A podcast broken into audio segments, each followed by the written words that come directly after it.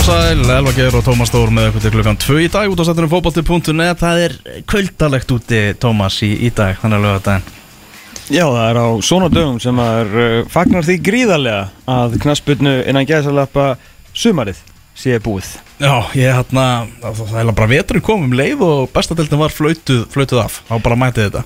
Já, uh, glemum því náttúrulega ekki að á síðasta, síðasta árið þá voru ennþá held ég tvö ár eftir af bestu deldinni Já, sem að gerði það að verkum að það var ekki mikil stemning eh, undir, undir lokin en þetta er svona töluvert skára að þetta hefur klárast fyrir þetta landslíkja frí og, og raun og veru bara Nei, það reyndar ekki síðast í fótballtaleikurinn það er náttúrulega landslíkir eftir eða og blikarnir. Já, já, hvernalanslega eftir að spila og, og nóga Einmitt, uh, Þetta 12, 12 mánuða sport hér á landi, Jú, jú. það er boltinn. Knæspunni saman Ísland setti mitt uh, mynd á samfélagsmiðla sína í morgun af svona Já. snæfi þögtum svona rétt til ámenningar kannski fyrir ríkistjórnuna sem reyndar hafði öðrum nöppum að neppa í morgun Já, voru þarna í skólaferðalagi og nei, það var í gæðir, þú voru morgun að hérna, tilkynna Gist, Gistu þið ekki? eða? Nei, nei, nei, nei. Ok. Gistunum bleið, þetta var ekki svo reykjum sko, þú kom bara aftur heim Þannig að, hérna, þú voru í morgun í, hérna, Vigdísarstofu að fara svona yfir nýjustu vendingar Já, heldur betur óvæntar vendingar í pólitíkinni Já, það var enginn sem gætt giska á þetta En að býta? Ei, ánægðast með það, þú veist, Bjarni útskýrið það, hérna Svona að ef að formaða flokksins myndi ekki verið ríkistjórn, það myndi skapa ákveðin óróa. Og við viljum ekki Nei. hann er, hann er núna nýr utaningis ráðherra og, og Þórdís Kolbrún Reykjör Gjeludóttir, nýr fjármálar ráðherra Nákvæmlega. Nánar þetta ég á Sprengisandi Já, á morgun, Kristján Kristjánsson verður hérna á hinni útastöðinni, uh, Bilgjunni Já, nú býð ég efri byggðum og það er uh, mikill snjór þar. Það er svoleiðis? Já, Ég býnaði mitt í neðri byggðum og það var svona, það væri mitt bara svona reytingur eitthvað sem ennú reyndar að fara. Já, ég hafði svona þegar uh, kingdinuðu snjó í morgun þá hafði ég smá áhyggjur bara þar ég láta Tom ná í mig eða? Já, þú ert alveg þar. Já, en svo hætti þetta sem betur verð. Þetta var ekkert svo slemt Og á að hlína núna aðeins í aftur. Þetta verður í á að hlína bara strax eftir helgina. Ok, þannig að nú eru við búnum með pólitíkina, búnum með veðrið. Ef þú færi fótboltan Já, fyrst pítsur og svo fótboltan Já, fótboltan Hérna í þessu þætti þá ætlum við að þetta var svona Já, þrískiptur þáttur. Í parti 1 þá var það Hannes Þór Halldórsson sem er á leiðninga En ekki bara fara að mæta eftir nokkra en- Jú, hún var uh, gert að mæta hér í hljóðver uh, X977 Fiskabúrið svo kallega Fiskabúrið klukkan 12.10 12.10 Já, Já. Í parti 2 þá ætlum við síðan að skoða nánar þennan landsleik, skoða mann sjálfsögðu líka með, með Hannesi. Já, hann er, er sumsi ekki komin hinga til að, að hérna, kynna æskæs og ekki komin hinga heldur til þess að að ræðum ferilinn eða tilkynum endurkomu í bestölduna sem var enda skemmtilegt, það Það myndi er gera frábært. það, það væri- allan myndi koma okkur óvart Mm. heldur er uh, Hannes leikstjóri uh, nýrar heimildatháttaröður sem fer á stað á ríkisbatteríinu eftir helgi Já, Eh, fagnaði alltaf það ríkisbatterið er að gera eitthvað fótballtatengt sko. Já, einmitt, eh, sammála því. Já. Það sem að uh, er að leikstýra heimildatháttum um, sem heita skæin og eru um uh, árin 5, ef ég, hann kannski fer betur yfir Já. þetta, frá 92 til 96 þegar þeir drottnuðu hér yfir íslenskum fótbolta. Gullaldar árin Gullaldar árin og, sem var reyndar, voru ekki reyndar einu gullaldar ár skaðan, það var svona þau sem að við munum eftir. Já, það var þetta en frétt í, í norska fjölmiðla núna í, í morgun sárið þar sem að, eh, já, sagt er það einfallega að eh, Óskar Rapp Þorvaldsson sé maðurinn sem að Haugasund hafa ákveðið að, ráða og sé bara komin langt í, í viðræður við, við þá, þannig að við fórum á stúfana, við erum búin að ráða fréttamann í Haugasundi, við ætlum að heyri honum og, og eftir. Hvar færðu svona þjónustu gegnum síðustu 13-14 árin annar staðar en hér? Nákvæmlega, við erum komin með fréttarittar okkar, Jörgen Frey Ólafsson í Haugasundi, Í sem, Haugasundi, við, sem við ræðum við á eftir og svo var nú bara detti frétt núna á .net Nú? uh, Það stefnir í Áskar Þorvarsson vil að þjálfari Haugasund á næstu dögum. Og það er vel að tala um það að Óskar vilji taka með sér Eggert Aron Guðmundsson. Skiljalega, Ælilega eðlilega. Mm. að séu alls sem mörg félög víða um Evrópu og víða um Skandinavíu sem vilja fá Eggert. Já, ég er svona, veit ekki eins og hvort mér líst mikið á það skref. Ég líst vel á hann að vera undir í- handleiðslu þjálfara sem að veit allt um hann sko alltaf en en svona hvort að Haugasund sé bara nú er maður alltaf orðið svo stór svona, þú veist, Íslendingur að þetta sé bara eitthvað lítið skrif fyrir hann sko. Já, En reyndar á Haugasund er, þetta er moldríkt félag og það er mikið af peningmanni bænum félag sem hefur verið að gera tölvert betur en þeir hafa verið að gera núna á þessu tímambili þannig að þarna eru miklu peningar og miklu vonir og vendingar um að gera betur. Þannig að veist, þetta gæti verið mjög flott skrif fyrir ekkert ef hann myndi fylgja Óskari. Já yfir maður fótballamáli í Haugasandi Bróðir hans er bara einn helsti oljufustin hérna í, í, á, á svæðinu sko. Já, hann er búin að vinna lengi hjá fyrirtækinu sem áður hétt Statoil, það er þetta búið að skipta um hérna nafnaði. Uh, var þar í, hérna, var sérst COO, Chief hérna, Operating Officer og síðan fluttist hann til Brasilíu til þess að reyna að uh, hérna, lifta fyrirtækinu eitthvað þar.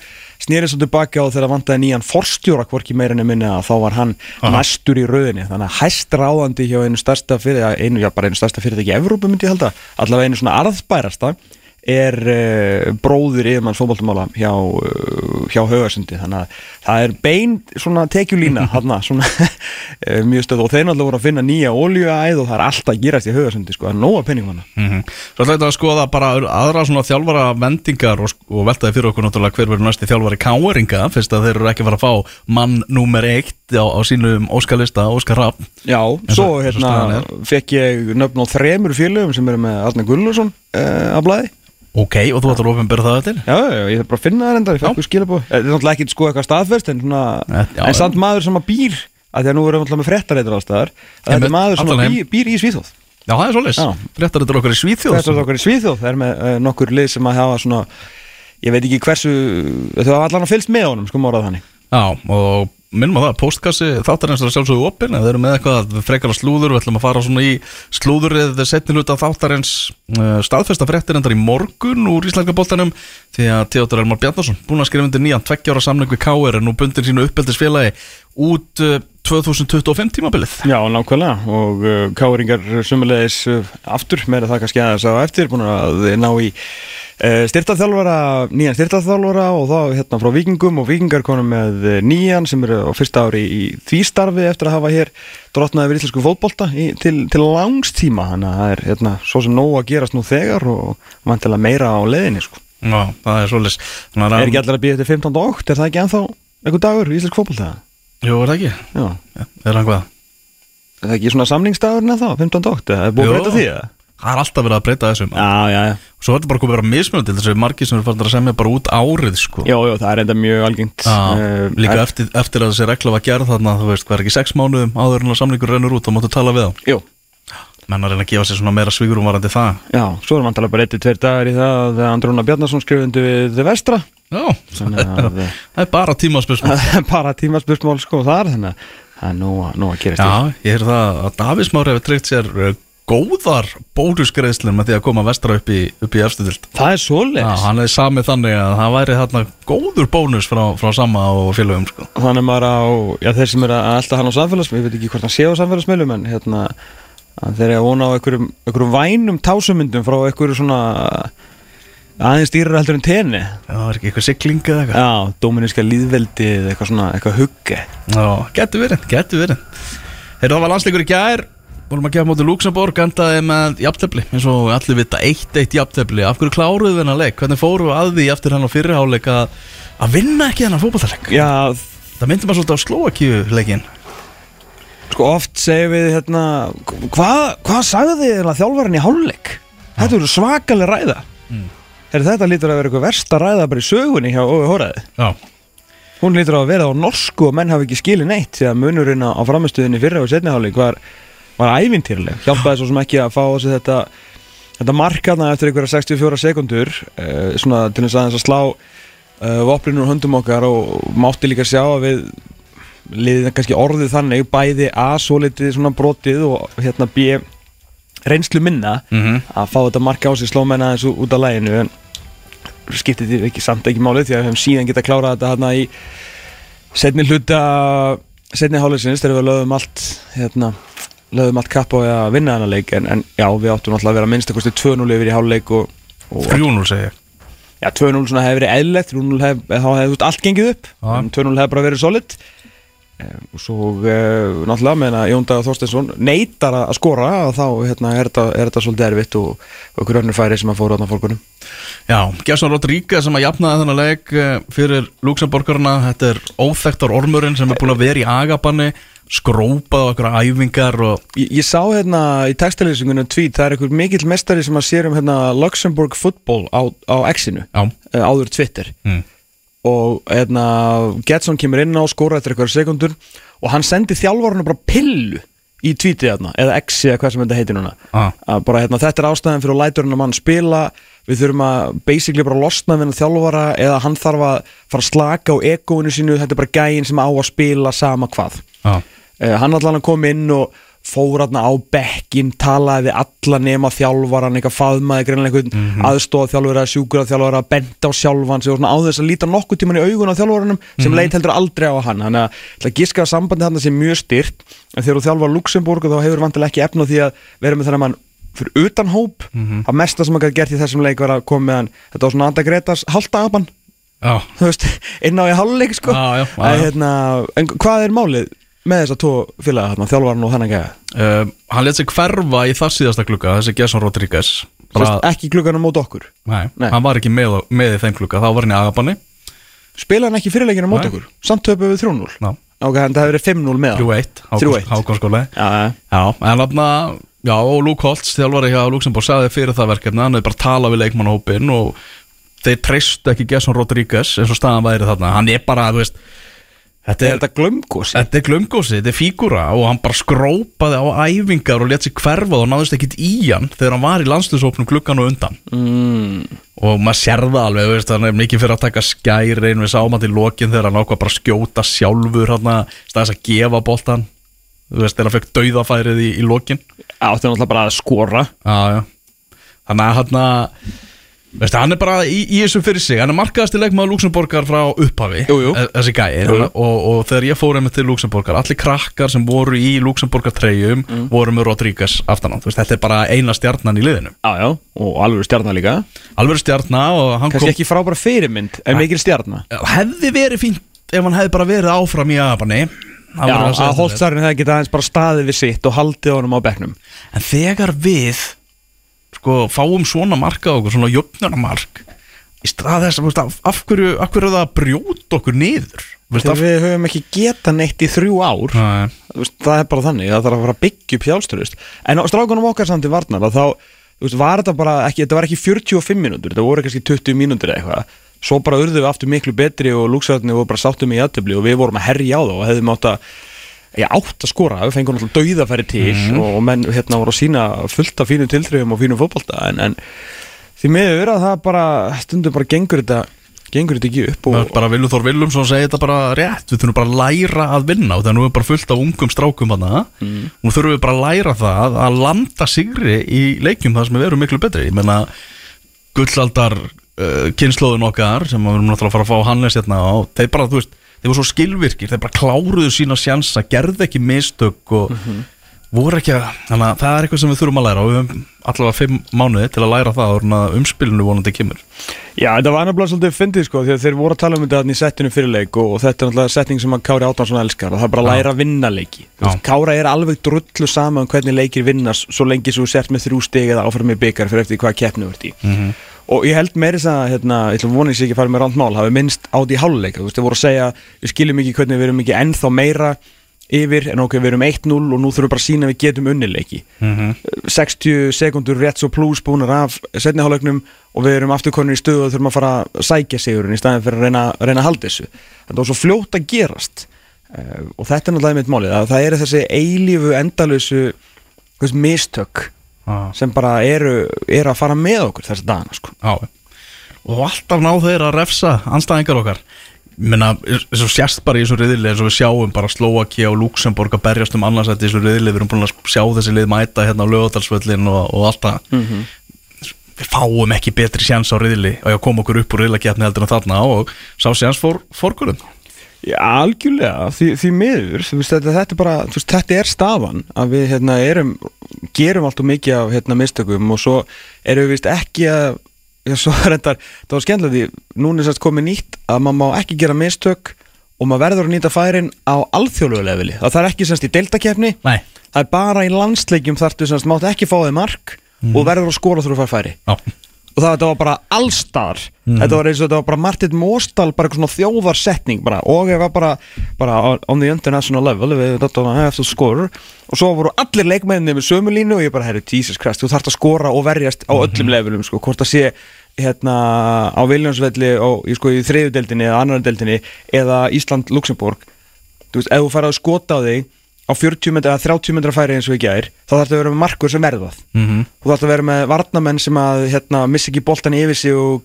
búa til vítaspinnur alveg svo í fyrirleiknum. Og svo þarf að vera með framherja eða leikmenn sem að geta tekið þessi fáu færi sem við fengum.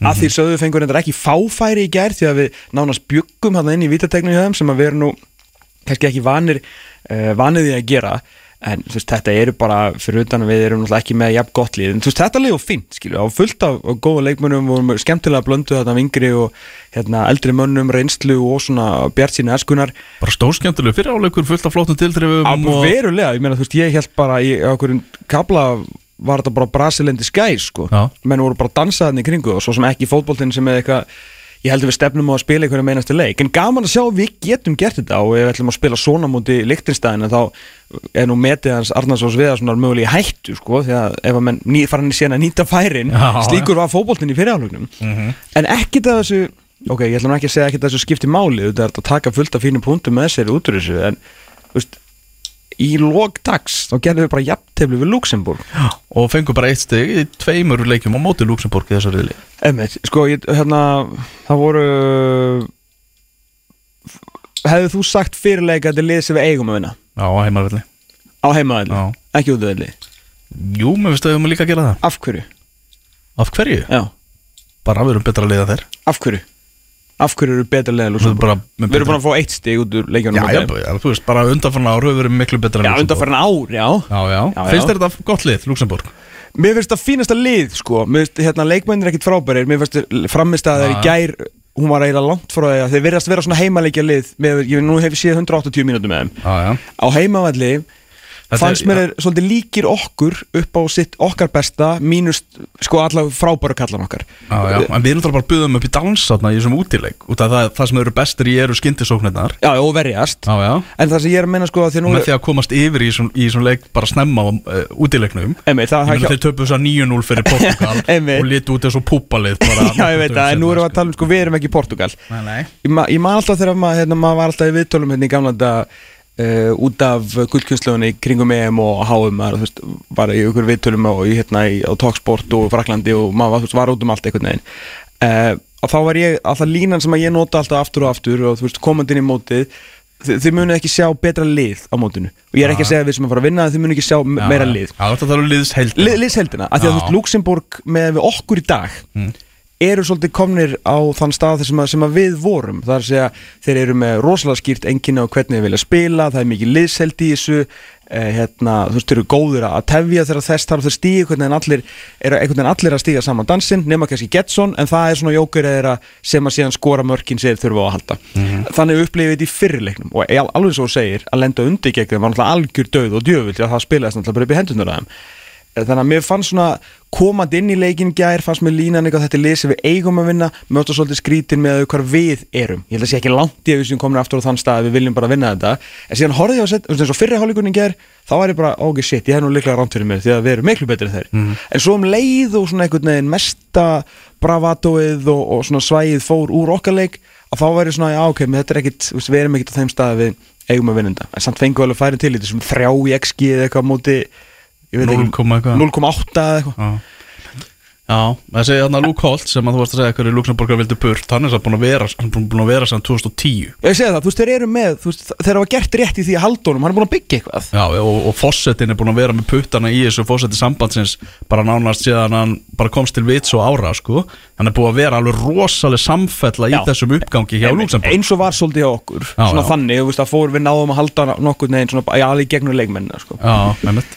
að að en, en já, eins og segi, það var svona margt það var hrigalega margt fínt í þessu. Að, hérna Orri Steinn Óskarsson opnar sinn markareikning með landsliðinu eftir, eftir sendingu, sendingu frá Arnóri. Já, 19 ára gammal, aðeinslegt að sjá. Og þetta er náttúrulega klálega hérna, sé, eitt kaldast að teki í bransanum að segja að þetta sé framtíðar framherri íslenska landsleisins Það heldur allir þegar hann skoraði þetta mark með hvernig leikunum var búin að þróast. Allir sem horfði á hann á leik nú er bara ekki sjans að við töpum honum. Ekki breyk Nú er bara spurningi hversu stór sigurum verður hversu mörg færi nýttu við við ég var meira að hugsa hvað er langt í 2-0 markið? Já. er það 2 mínútur eða 20 mínútur? Já, ég sé það, veist, fótbolta næstinn er að kveikna aftur á skaganum og fullt af skagamönnum og exinu sem er bara að hugsa um hvað skagamennir í liðinu er að gera og, Já. og, og einhver eitt sem setti þetta í sem einhver svona bara keppni eftir að orri skoraði. Halli Mello. Já, Halli Mello, já, alveg rétt. Hann er alltaf gríðalegu skagamaður Já, sko. já, hann var bara búast við því að myndi svona þrjú fjögur skagamör koma í kjölfarið Já, sko. það var sko 1-0 fyrir öðrum. Að hérna En, en fallit markingu síður uh, Hákon alveg, algjörlega briljant uh, hérna, náttúrulega nánast ef hann náttúrulega bara fá líklavöldin í þessu liði frábæð leikmaður, leggur hann þarna inn á, á er ekki Arnór sem að segja nátti síðan stóðsendinguna? Uh, en hockey-sendingin þriða síðasta sendingin hjá, hjá náttúrulega algjör, snild og góð fyrirgjöf og, og framherrin okkar bara á, á réttum maður og réttum stað. Og skemmtilegt það sem að gróta setti maður svona svo kannski pældi ekkit í því eh, fyrir hann að grótan setti á, á hérna, exið á hann að hann er bara fyrsti grótumæður sem skora fyrir alagslið Já. þannig að það kom bara nýtt bara lið á blað þannig að bara, þú veist, til að hafa mikið gróta með þennan strák að hérna, þau verða nú nokkur í viðbót sem hann er að fara að skora og svona hylla ungviðið á, á seltjarnanisinu þannig eru þeir bara konum með íkon til að þú veist, gera fyrir sitt húlingastaf þannig að það er bara æðislegt. Já. um, hann ásand alveg langt í land sko. Já, já, Ég, það var einhver sem að lík, líkt honum við Kolbein Sigþórsson Nú sko alveg þess að þú veist að þú átt fyrst að vinna skallæðinvi og návi Já, já. og kannski átján í sama leiknum mútið Portugal mm. ánum kemur þangað ég er ekki að setja niður að ég bara segja það er ekkert ólík holding á þeim þannig að séð Nei, en það er bara beitinni betur Já. En hann er því líkur markas og þetta er náttúrulega bara hann mun Hann er bara nýbyrjar að spila ef allt, allt gengur upp og hann sleppur með meðsli og bara hérna Guð og Amen og fótboltaguðurnir hérna vaka yfir honum að þá er þetta þú veist, þetta er 80 leikja maður og 25 mörg sko Kottnungur að fara að spila bara bráðum í meistaradeildinu á Old Trafford sko. Já, ég minn hann verður komin í topp 5 deild bara áður en við getum defla auga. Já, En Hákon Arnar, já, ha, er þetta eitthvað grína? Hversu góði leikmenn er í þessu lilliði ef hann fær ekki að spila þar? Það var mitt Ég veit hann var á móti Luxemburg en ég með að gæin er, þú veist, einn og ekkert þarna með ljósa hárið sitt bara dansar í kringum og í lokin þegar við vorum að reyna, mannstu alltaf þegar við vorum í lokin alltaf, við gefum á gilva og hann snýr eitthvað svo gefur hann sendingu og svo vonum við það besta. Mm -hmm. Herðu, nú er hann bara Hákon Arnar. Þú veist hvað er hann, 19 ára en þá, er hann orðin 20, er 18 eða eitthvað? Nei, nei, hann er ekki það ungur sko. Hann er er ekki á 21 21, já, ég veit, veist, ég kann ekkert á ár. Já. að hérna, hann bara fekk boltan snýri, náðu einhvern veginn að skeiða og, og hérna, taka stórsvið á milli tveggja manna, losa hann, fá hann aftur. Tvítur ótrúlega góðu leikmaður. 21 ás í 10. apríl Arnur Sig líka. Bara allt annar leikmaður en hann hefur verið bara í gegnum hennar Öldu Dal sem hann er búin að vera í núna síðustu, síðustu ára með einhvern veginn Arnur Hákon Orra Stein hann þetta var Ísak Bergmann, hann er þetta hvarf algjörlega í setni hálfleiknum en, en fyrirhálfleiknum flottur sko. Tveimur síðustu fréttamannafundum þá er hann er mitt búin að tala um það. Hann var spurður út í það á fréttamannafundi geran og eð Þú veist bara þú velja orra fram yfir Alfreð og, og allt það. Hann sagði bara samkeppnir með að sókna mannana er bara rosaleg Orri er bara búin að vera svo geggjaður og hann bara vinnur þetta þessu sinni og taldi að styrkleikar hans myndi nýtast. En svo sagði hann, en svo kemur það því varnarlega og við þurfum að vera heppnir í mass með að varnarmennur okkar séu heilir. Já, hann sagði bara það má ekki, meðan það er samkeppni um, í sóknastöðunum, það má nákvæmlega ekkert út að bregða varnarlega. Allir reynslu miklu varnarmennur okkar þurfa að vera bara klárir í mass já, já. Rétt á hann fyrir þáka heitasti framverðun okkar var sem dónóta að vara maður Andri Lukas. Já, Já. hann kom ekki inn á undir lokin þegar hann vantaði mark. Nei. en hann var alltaf búin að valdi Alfreð framfyrir og allt, allt í góðu sko. Náttúrulega skoraði sigurmarki í síðasta leik og Já, er það á Alfreð 90 Finnbóðsson annari mínútu. Já, hann en, var- hérna, en hvernig er það er 21 að spila nú líka í stórleika? Þeir eru að lita á hann, já. Í dag eða? uh, Nei, mándaginn, en þeir eru fór út í ég. Já, hann, hann er ekkit, verður ekkit sendur þangað? Nei, Nei, nei, ok, það held ég ekki sko. Nei, nei. Kemur alltaf óvart. Já. Já, hérna En já, með, með varnamenn að þetta hérna Já, sem já. hann ekki mikið að gera þeim í gær þannig mm. en, uh, en já, við þurfum að vera þú veist, þetta, Bara mest áhugavert, við vitum þetta alveg skilur, við vorum búin að tala um þetta og fengum jöra þetta um daginn og vorum að ræða þetta en bara og er farin að tala mikið um þetta bara þetta sé vandamáli, það er það, er það að við erum ekki með breytt varnala hann má bara tala líka um það, þú veist, einmitt með Sverri að hann var komin inn í þetta aftur, bara hann sem verið sárt saknað í síðasta klukka já, verulega, verulega sko. ég bara spá eins og þeir allir verða heilir Mm. uh, vonandi og í, í sérst lið á fyrir ekki í leikum af því við erum að fara í þetta umspil, þú veist að segja sér bara sjálft Já, það eru yfirknæfandi líkur Hvað, hvað þarf að gerast til að klúru því? Sko, eins og staðan er akkurat núna þá erum við ekki inn í þessu umspili. Nú, Já, vegna þess að ég sá eitthvað á Twitter að það var eitthvað við, þú veist, Finnland er að fara að spila mútið Úkrænu, Já. okkur eða einhverjum öðrum. Mm, Svo breytist í gerkvöldi Já, Já. ok. Vegna þess að Grikkir eru komnir í annarsæti í sínu riðli mm. og þá eru hollendingar á leiðin í umspilið. Já, já, En á hinbógin þá eiga Grikkir tvo leiki eftir. Já. Þeir eftir að spila á móti Holland og Fraklandi já, ok. Og Holland á þrjá leiki eftir Já. Þeir eiga eftir að spila á móti Greiklandi á mándaginn Mhm. eiga eftir Írland og Gíbraltar. Ok, ok, en þetta hollenska lið er endar, svo spyrjunarliði gær Já, hva, Hvað er að gerast í hollensku fótbolta? það er lægð í hollensku fótbolta. Ó, rúmlega það? Já, En, hér- þetta var ekki burðugt. En hérna, staðan er einhvern veginn þannig eins og En á hinbógin þá vann Holland fyrir leikinu móti Greikum 3-0 Já, ok, flott Þannig að þú veist, ef allt er eðlilegt þá endar Holland í öðru seti í þessu riðli og, og þá erum við í umspilinu sko. Ok, þannig ekki, það er ekkit ólíkleg sviðsmynd að við förum í, í fjóraliða umspil með, þú veist, Finnlandi, Úkrænu og, kemur eitthvað? Er liðin sem voru hann í gær? Já, þú veist, Bosnia Bo- Bosnia til dæmis, já, já, Já. sem við erum búin að spila við núna tvisvar Já, að? Já, unnið á hann daginn já. 3-0 Já, já, unnið á 1-0, já. Já, Ok, þannig að, þetta er svona þetta level sem við erum að fara í. Já. Þú veist, alls ekki leikir sem við Sko, en svo er dreigið Við gætum lent nefnilega sko í A-leðinni Nú, Já, og þá getum við mætt, sko Veils í undanúslitum og, Nóri og mögulega Póland í úslitum sko. Já, ok, það er, er akkur getum við að fara í A? Það er bara, ég held að sé dreigið ef ég skilda rétt. Það er bara þau lið sem eru hann einhver staðar. Já Þau geta mögulega farið í path A. Ok, ok, ég, ég reyndar það sem ég sá á X-inu í gær var bara sem sagt, Já, það var fyrirleikina sem er svo stað Já, ok, þá, þá voru við B sem að, Þannig að ef, ef við myndum enda í til dæmis B sem er svona Finnland, eða, eða bara A ég menn þetta er allt svona vinnan, þú veist, þetta er leikið sem við getum unnið, þá er ég að segja þetta er ekki Portugal, Spán, England hérna, Frakland, Þískaland fattur við mig, Aha. þannig að við erum að fara í þessu leiki. Þú veist að því að nú erum við bara einhvern veginn að reyna að búa til lið fyrir mars, búa til lið fyrir þetta umspil sem við vonum þá að verðum í. Reynum að En stærsta ástæðan fyrir því að Gilvi er bara í þessum glugga núna er til að koma honum inn í hlutina svo að þetta verður bara smúð í mass Já, já, já, en þá eins og með ég skildi eins og með Alfons í ger að ég held að hann mun alltaf starta svona svona leiki. En heldur að Alfons sé hægri starter í til dæmis undanúslit sætis á EM í leikamóti Bosníu já. Hver annar?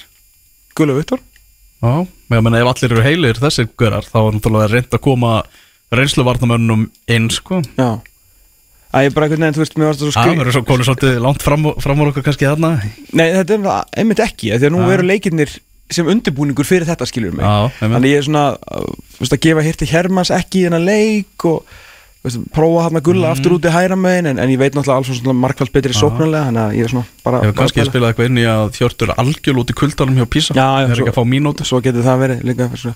En annar sem var líka hérna, mikið power í honum í ger Já. og framtíða sem er búin að festa sér stöðu í þessu liði, það er Mhm. Kolbjörn Birgir Finnsson Já Það er alveg hrikalegu kraftur í honum mm Núna búin að taka þeirra á byrjunleik í röð Já. með allarsliðina og hérna, nei, ég ánægði með hann Já, virkilega Já, en eins og segir, næstu landsleikir breytast bara hreinlega í undirbúningsleiki fyrir, fyrir þetta, þetta umspil Já.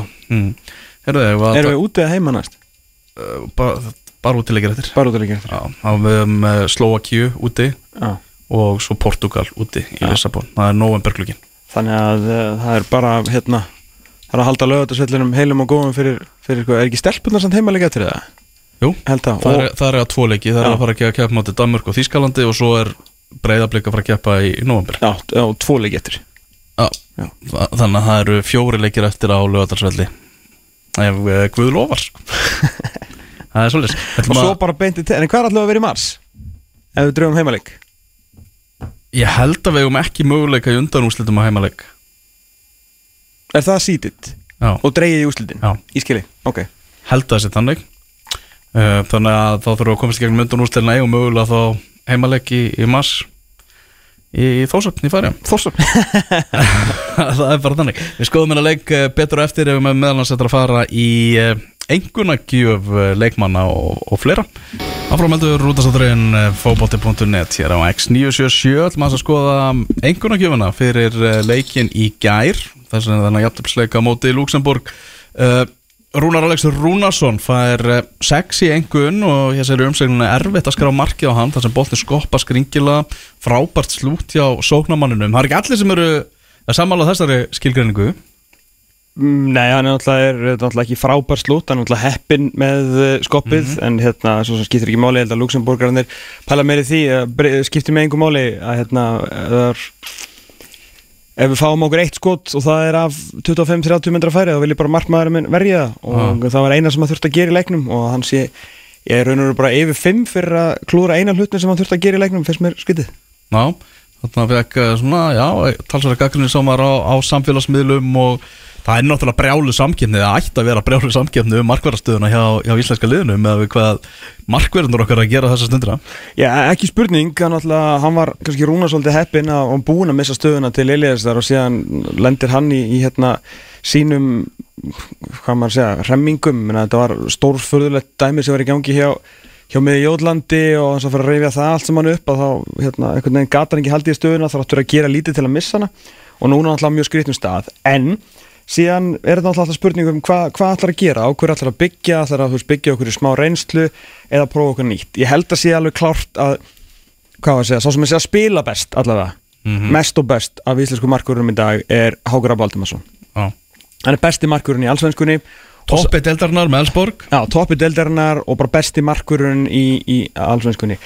Sem að svo má segja um, um Patrik Sigur Gunnarsson sem er líka standað sem mjög vel með sínu liði Mm, hann er ekki hó. hann kemst ekki í hópin þannig að þá þarf náttúrulega Ógi að taka smá ákvörun en hann að koma inn með markur sem að á ekki í landsleik, ég held að Hákon sé ekki ennþá búin að þreita frumurinn sína, allan að ég man ekki eftir hvort hann, nema hvort hann eigi eitthvað hérna, katarleik eða eitthvað. Eða einhvern veginn að halda í, í þetta. Og þetta er bara þú veist, ákvörun sem Ógi þarf að taka og hann valdi, valdi rúnar. Sem, sem er á bekknum hjá Cardiff, það er svona eitthvað byggamarkmaður. Já, maður held að var að fara þangað til að spila þannig að veist, hann er ekki uh,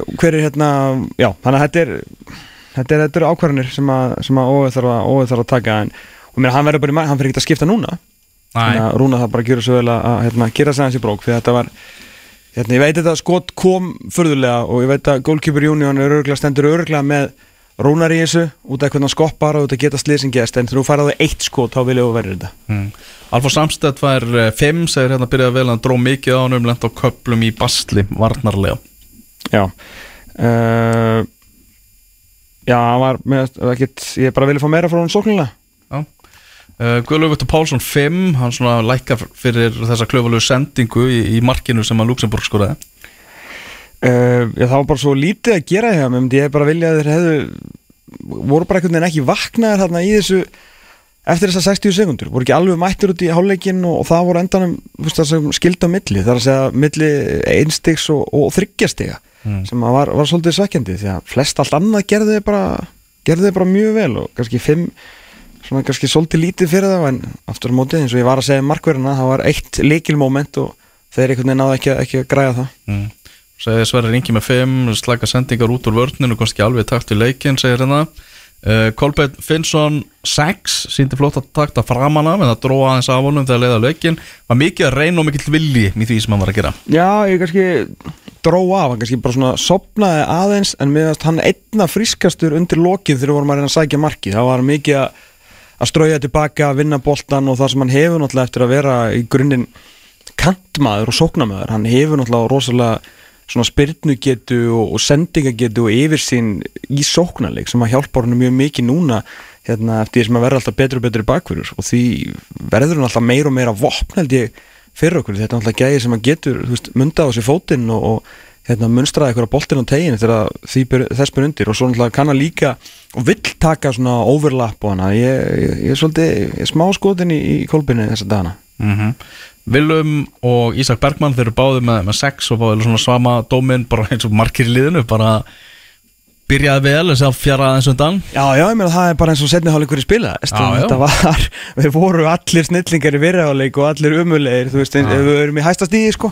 Mhm. í, í setni hálfleiknum En eins og við viljum, ég er kannski veist, Ísak er að komast aftur bara í takt við sinn fótbolta fyrir Búin að fara frábæla stað með, með Dusseldorf og, og hérna eins og segja, átti frá, góðan fyrirhálleik Ég bjóstu minna á honum, ég er bara fínt að sjá hann aftur hann inn á þetta er svona leikur ég veit að Viljum er ekki komið marga leikindu belti en bara með hvernig hann hefur verið að spila þegar hann fær tækifærum landsliðinu með hvernig hann hefur verið að spila og þetta ótrúlega markarna sem hann tekið á hann um daginn í Hollandi að þetta er bara svona leikur sem ég vil að hann fái boltan og lappi bara í gegnum menni svo jarðýta og, og búi meira til og það í 90 mínútur sko. mm -hmm.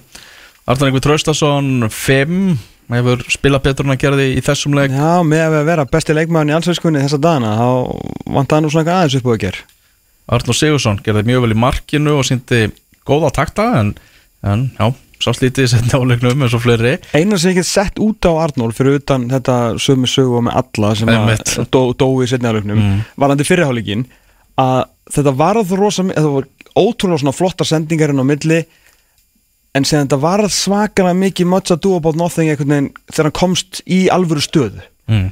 þannig að hérna en, en hann, sem sagt- hann gerði sem meira heldur margir hafa gert með landsliðinu eh, upp á síkastið að komast í stöðu til að búa eitthvað til en síðan varð voru lítið úr því einhvern veginn. En, en flest allt fram að svona síðustu sendingu var samt eins og aftur fyrir 45 mikil snild Já, spurning uh, hvort hann spili setni leikin, ég veit að Jóndal Tómasson stjóri Blackburn, hann var svona búinn að segja við Óge og vildi meina að vera komið samkomulega við Óge um það að hann myndi bara spila Já, annan leikin gæt náttúrulega og ekki seti hér og fundi og sagt ég hlýði öðrum sko. Nei, Af men- því að þá en nú er þetta náttúrulega bara æfingaleikur Ég, ég sé að hann, hann verður á bekknum og hann mun ekki koma inn á nefnum þurfum á því halda. Það er alveg óþarfi og líka bara fyrir Arnur er algjör óþarfi að vera að tefla okkur á tvær hættu með hann Skilu, þannig að þetta er, þetta spilast þetta er, sest, ekki marga viku sem hann bara stegi upp úr meðslum Nei. og hann er ekki alveg orðin 100% þú veist, þetta er win-win situation við eigum hann til á bekknum, Já. það er óþarf að vera að reyta eða vinskap Jón Dal og, og, og, og, hérna, og líka eins og segi, bara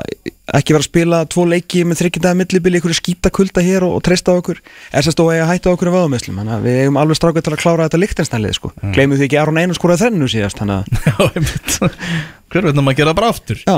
Hákon Óttar Haraldsson með, með sjö bestumæður Íslands í, í leiknum við töluðum vel um hann áðan og svo náttúrulega Orri Steit sem að fekk uh, sex í, í engun og, og skoraði þetta mark okkar í, í leiknum. Já, það er bara já, það er bara að vinna aðeins meira með óra og hann bara vinna í, í er með allan skrokkina bara setja á hann kíl og gera hann betri í, uppspili en þetta er, eins, og ég sagði á hann þetta er bara fættur markaskóri mm uh, Stóra stundin Tók hann ekki Rassford fagnir líka? Jú, hann tók Rassfordvagni Já. Já, hann er mannsættur nættið stuðningsmæður Það er rétt, já, Já. það er rétt. Það er bara þannig Þannig að hann Hann fylgdi sér- ekki pappa sinni með vestam Nei, þannig að hann hefur sérstaklega gaman að því að vantilega vera að fara að spila Old Trafford. Já, en gaman að myndi starta hann leikmaður. Já, það verður mjög gaman. En stóra stundin í leiknum í gær var náttúrulega á 70. mínútu leiksins þegar að Gilvi Þór Sigursson kom inn á sem varamæður og það voru hvað, hvað 4800 manns minnum ekki á, á lögadalsvelli sem er nú bara já, bara miða við kuldan og allt það bara allt í lagi. Já, já, við erum búin að vinna veist, einn og hálfa leik síðustu þrjú árin skilu, þetta er bara, við erum bara að vinna okkur tilbaka. Já, En eins og við höfum sagt og veist, þeir sem eru að mæta á völlin þeir eru að láta vel í sér heyra Já. og vikingaklappið bara flott og, og Já, bara kútos á þessu mætu, ekki svo spurning. bara tók all stúka, vildi bara fá Gilva inn á. Herru, það var áhugavert. Hvað voru, voru að syngja þess að ég var bara með sjónvarpið, þetta við viljum gilva eða, eða gilva inn á, hvað voru það? Við viljum, við viljum ná- Gilva inn á eða Það, þú veist, skilabóðum voru þau allavega. Já, já, já. Man ekki nákvæmlega hvað það var sem að geða, það tók allir, allir þátt. Og Hefur þetta gerst áður í landsleika? ég man ekki til þess sko. Nei.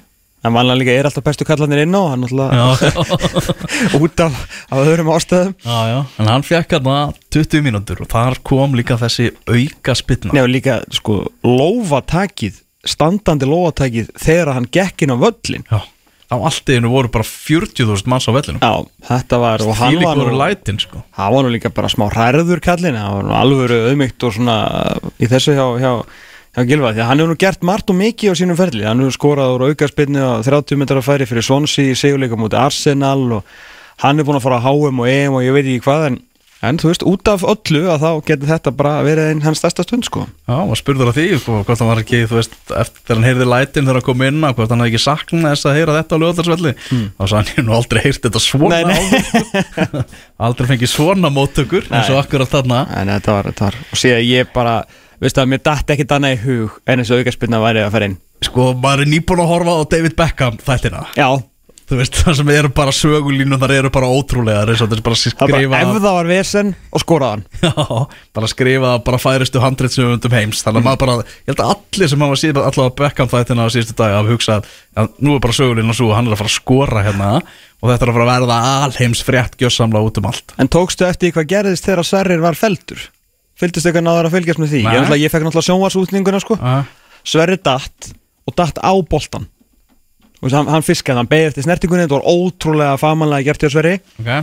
og hann bara svona fer nýr á hnén leggst yfir boltan til að tryggja það að þú veist, ef að dómarinn væri blindur þá væri engin skyndisók mm svo heyrir hann flötið þá stendur hann upp og það er svona fjórir íslenski leikmenn í kringum hann nefn hann heldur á boltanum lappar út úr þvögunni leitar að gilfa og svo bara görur svo vel. Já, þú ert að fara að taka Þú þetta veit að vera að taka þessa öður minn. Já, það er ekki flóknar en það sko. Þannig að það skipti ekki öllu málinu hver er hérna eins og svona mín sagði við mig bara hvað heldur að henni sé að segja við hana hérna, me, gilfi megu við takk þetta? Þá hló ég dátt.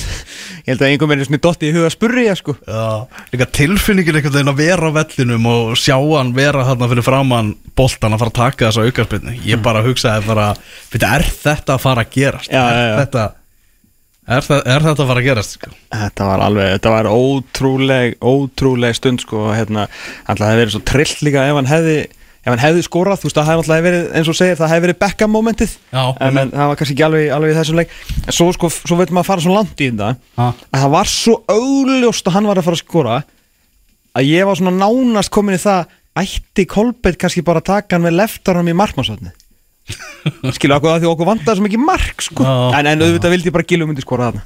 Já, nokkulega Er hingaði komin fyrir um landslismarkurður okkar okkar vinur, nú er nóga breyðildingum í stúdíu ég fagnar því. Ég- Hannes Þór Haldásson, blessaði Sæl. Helvðu, hvað var Hey. því? Já, við erum bara Tvistin. góður, eða þú hans menn Ég er bara rosa góður. Er það ekki? Jú. Við erum aðeins búin að fara yfir hann að leikast að horfa að gera? Uh, Já, ég horfði. Ég komst ekki á vellin en ég var með hann í gangi í sjónvarpinu. Já, skúfelsi Já, þetta var það. Þetta var, þetta var einhvern veginn óþarfi fannst manni og fórum alltaf frábæla staðins og þið eru búin að hérna, fara vel yfir. Mhm.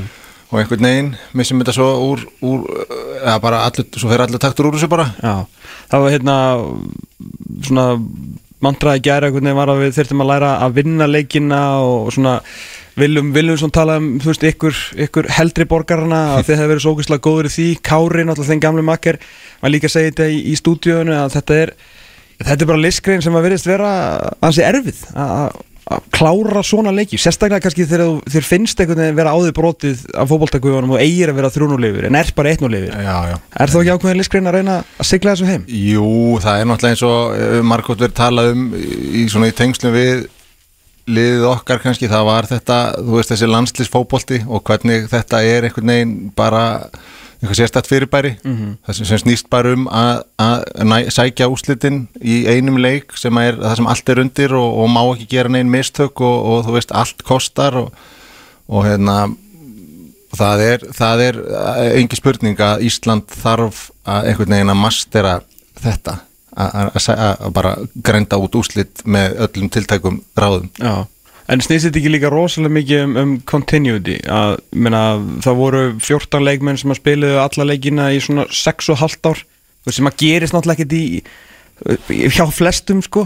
En veist, er ekki erfiðar að búa til eitthvað svona mindset þegar við erum náum ekki alltaf að vera með okkar, okkar lið en að gæsla Jú, alveg potið, engi spurning og, og þetta liðið búið að vera í veist, mótu núna í langan tíma og, og kannski sér ekkit endilega fyrir endan á því alveg strax, þetta er að verða til og, og, og svona og, um, og, við erum margótt búin að fara, ég er búin að ræða það í mörgu viðtölum hérna bara, þú veist, hvaða var sem að einhvern veginn gerðist þegar að, þegar að einhvern veginn allt sprakk út hjá okkur, hvað eru margir þættir sem að hengu saman og, og, og svona, þú veist, meðbyrinn um, frá einhvern veginn því- að fá alla þjóðina með okkur sjálfströstu sem verður til við það að byrja að vinna leiki og svo, þú veist, fyrir boltin að rúlla og þá verður auðvitað að vinna næsta leik og það einhvern veginn og við þurfum bara að dett inn á svolítið þennan takt, sko.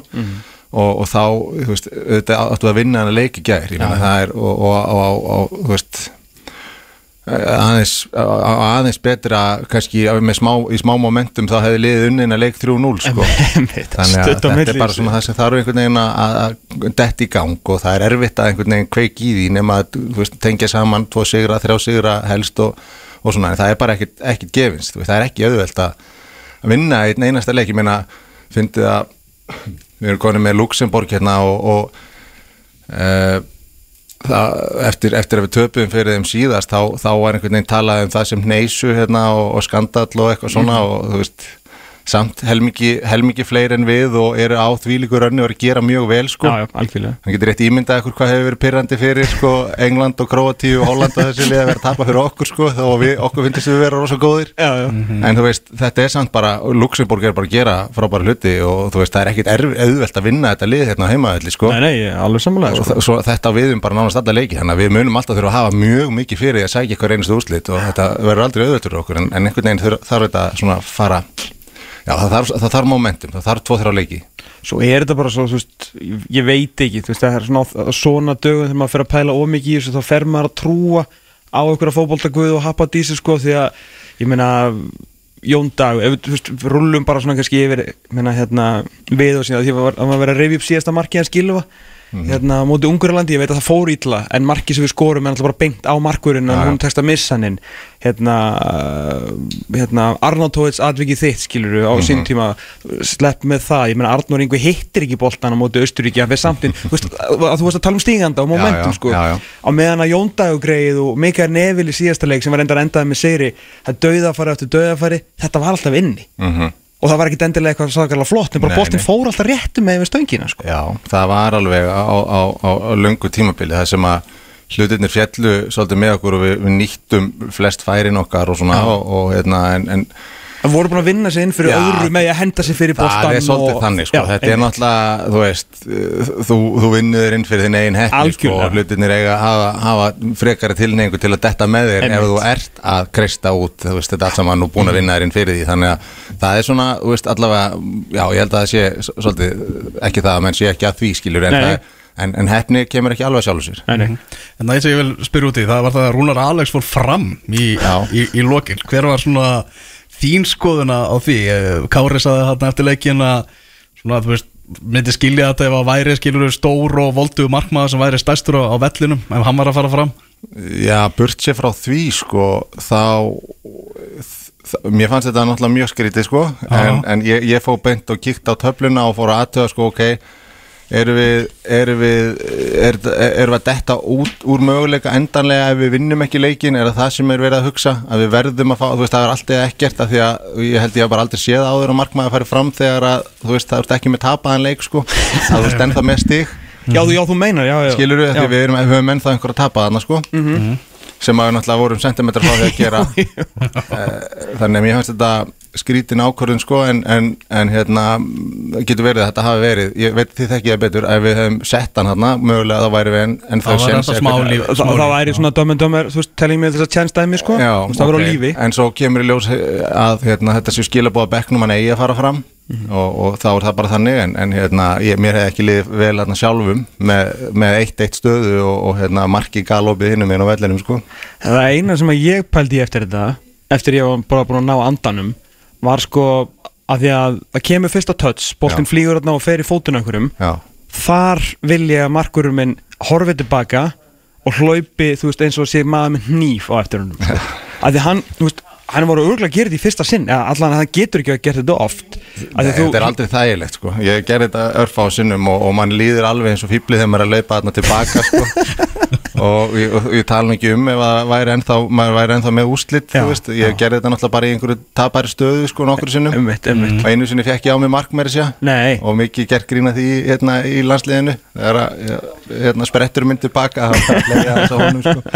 ég. En því er því að meina sko að þegar hann fer í hann að Rúnar er greinlega svona, hann gleymir sér aðeins í ljósunum sko og hann ætlar einhvern veginn að taka sko setniboltan sem þú ótt ekki að gera, þú veist, þá óttu bara að fara. Já, já, ég náði ekki alveg að greina þetta ég var einhvern veginn bara, þú veist Í li- Já, svolítið sko, ég náði ekki alveg, ég er ekki alveg búin að horfa á þetta aftur og, og sjá nákvæmlega hvernig þetta aðtökaðist en við náttúrulega sluppum með skrekkin þarna, reyndar en Já. þú svo talum þessi, þessi moment sem að Reyndar. falla með á mót okkur sko. Það, þetta hefði verið hræðilegt að enda leikina á þessu. Já, en eru þið búin að ræða sko, ég held ég hef aldrei á æfinni verið eins spenntur fyrir að sjá hvernig ein hotspilna myndi fara þegar Gilvi stillir upp í- í eða? Nei, í byrjun sko, þegar hann kemur inn á. Var bara fyrsta hóðspinnan já, og bara svona, ok, hvað gerist? Mér fannst sko, þetta var að sjá hvort hann myndi svífa inn á inn á tegin gilvastæli eða hvort hann myndi bara þú veist, ekki hitta hann og sparkunum út eða eitthvað sko.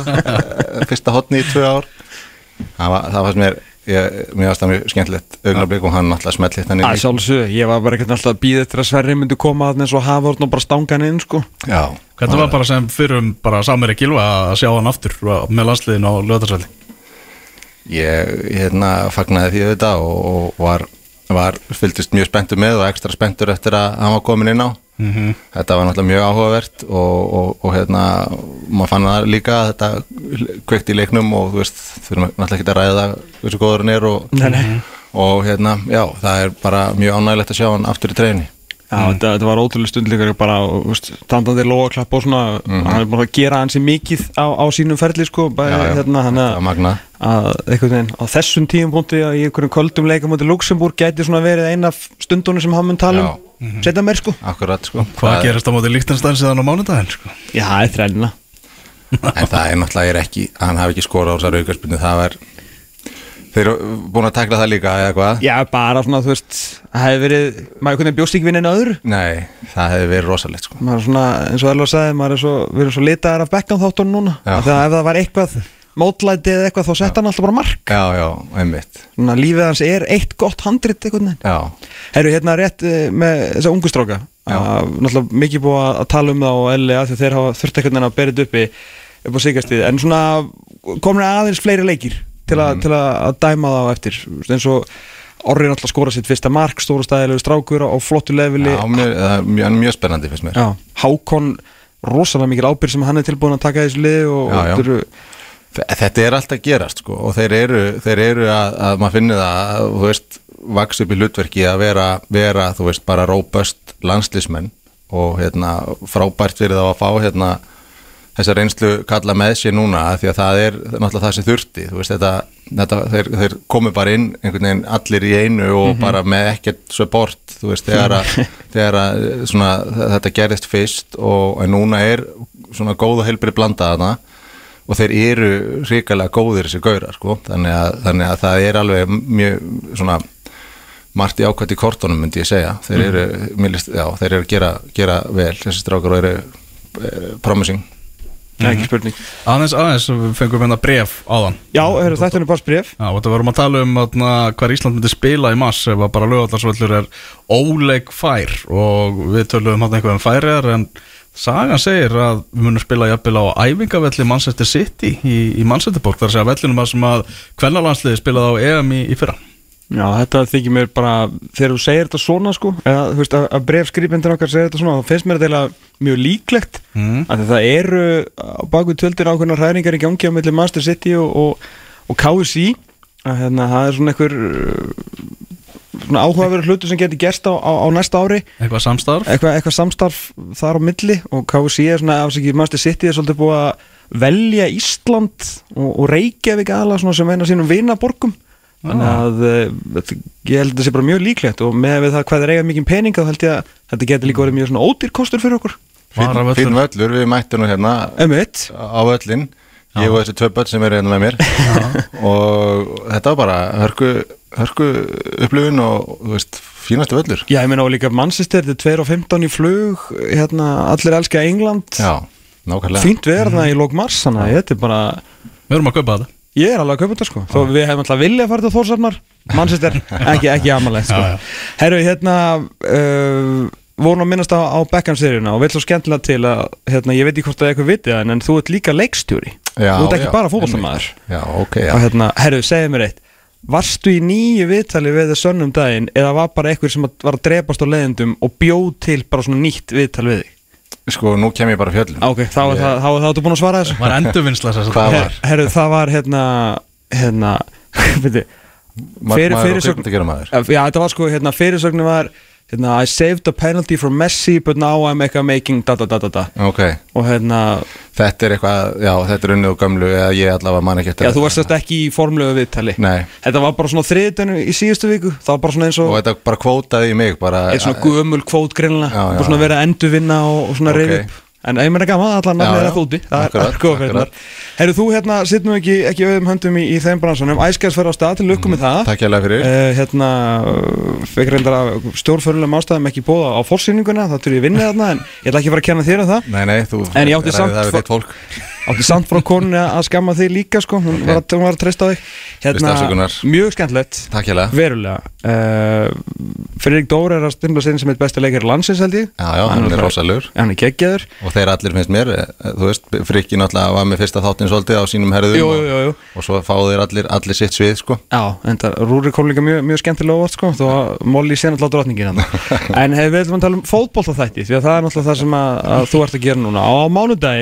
að að það er það að, að að uh, hjá Ríkinu mm uh, ert þú að fara að frumsýna þátt? Já, Allavík ekki er að framleiða þetta, er þetta er þetta þú eða Allavíkin? Já, þetta er ég og, ég, og Allavík er að, er að taka þetta yfir mitt fyrirtæki Já. sem að, til dælen nýstofnað. Já, og þetta heitir Skæin. Já, og er þetta bara innan gæðsalöpa um 92-96 eða er þetta bara svona helsteft saga Íþjóttabandalans Akarnes? nei, þetta er bara þetta er bara saga þessa liðs 92 til 96, þetta Ok. er ekkert ósvipað og bara Last Dance hérna, þessir voru ekki sex titlar sem voru tekni fyrir þar? Nei, bara síðasti sko, en svona með sögur og revjur upp sko. já, einmitt, ok. En ég tók rönnið sko. Já, en þetta er, þetta er þessir fimm titlar sem að þetta lið vann í röð.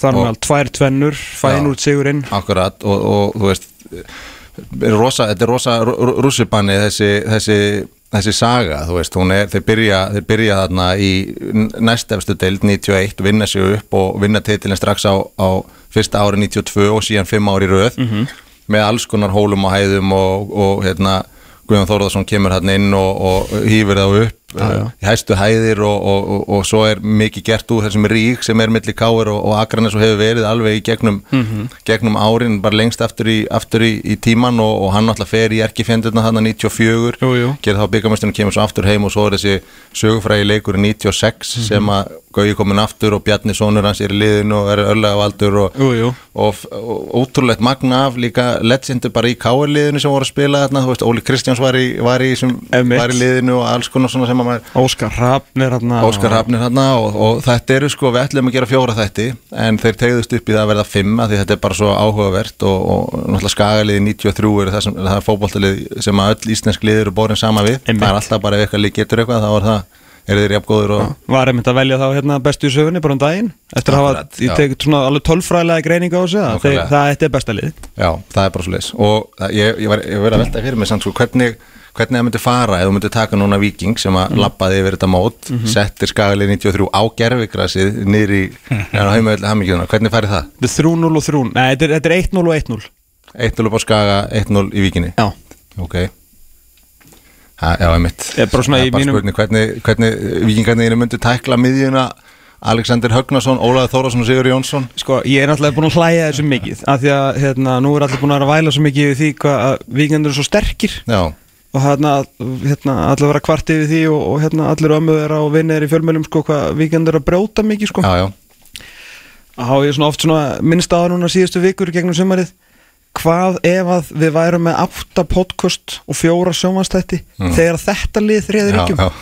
sá fólk ekki Alexander Högnarsson hefur ekki séð valur í að þegar Bræði Bergmann er hérna Já, það er náttúrulega tekið bara, dýftina í, í í, þætti tvö en, en þetta var ekkit happening, þetta var alltaf svona. Já, já, þetta- menn, þetta er- Siggi Jóns, Alli Högna Óli, þetta er allt í sama liðinu sko. Ólafur Þórðarsson Já, Þetta er rosalegt sko, þessi karakterar sem að, sem að eru í þessu liði og ekkit bara þessi naglar, svo erum við með, þú veist, Bíbertsis og Luka Kostic sem að koma þarna, uh, þú veist, Haraldur Ingólfsson kemur með svona einhvern veginn annað inn í þetta, þessi markmenn sem eru þarna, eru, alg, þú veist, eru, eru því líki karakter líka, þannig að við förum bara, tökum bara deep dive í þennan tíma og, og hérna gerum hún bara mjög góð skil og í þáttum sem að ég allavega er mjög stoltur af og mjög ánægð með. Hva, Hvað er origin að þessu? Um, hvað er hugmyndin og hvað er þetta búin lengi í vinslu? Kristján Jónsson, blaðamaður á, á Mokkanum er búin að ganga með þessu hugmynd í maðanu lengi Ok. og hafði samband við uh, Snævar, leikstjóra sem að hérna hefur gert tvær bíómyndir í tökum,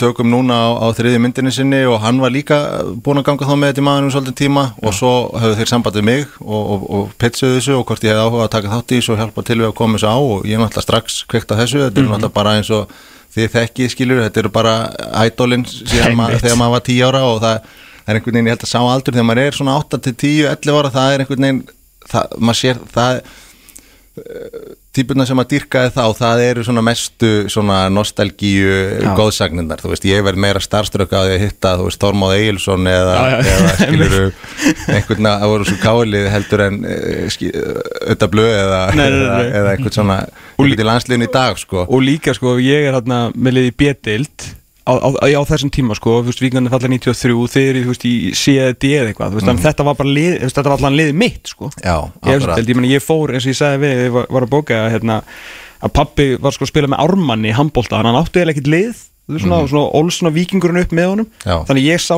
yfir hann tíma 70% þess að leikja þessa skagaliðs í Reykjavík sko, Já. og ég sjá bara, ég, ég, ég dyrka þetta lið sko Þetta er alveg geggjað og þú veist, það er svo mikið að sögum og það er svo margi vinklar á þessu og uppáhaldsaga mín er reynda þegar að sko, að því við erum að tala um uh, naglar, þú veist, Óli Þóruðar náttúrulega uh, löppin á hann og var bara tekin í einhverja fjóra-fimm parta út í Nóri, í einhverju tæklingu sem var bara líkansárás, Já. hann átti náttúrulega ekki að geta að spila fótbolt aftur en einhvern veginn var beinið á hann skrúað saman svo var hann bara svo mikið að drepast í löppinu hann skildi ekkit af hverju sko og búin að spila fullt að leikjum á því og mætti upp á, upp á hérna upp á læknastofu og, og þar var, þar var tekin hérna, eh, tekið torkskrújotn eins og hann segir sjálfur og, og, og læknir fór inn, deyðan ekkit og byrjaði bara að skrúa og það tók einhverja 20 mínútur og svo stóð á endanum bunana greftri út úr honum og út að golf það er, er alveg óborgarlegt að heyra, heyra hann lýsa þessu þetta er engin sko þetta, þetta er, er algjörlega effortless þetta er ekki, það er ekki Nei, nei, nei, þetta nei. var bara svona sko Já, já. bara segja frá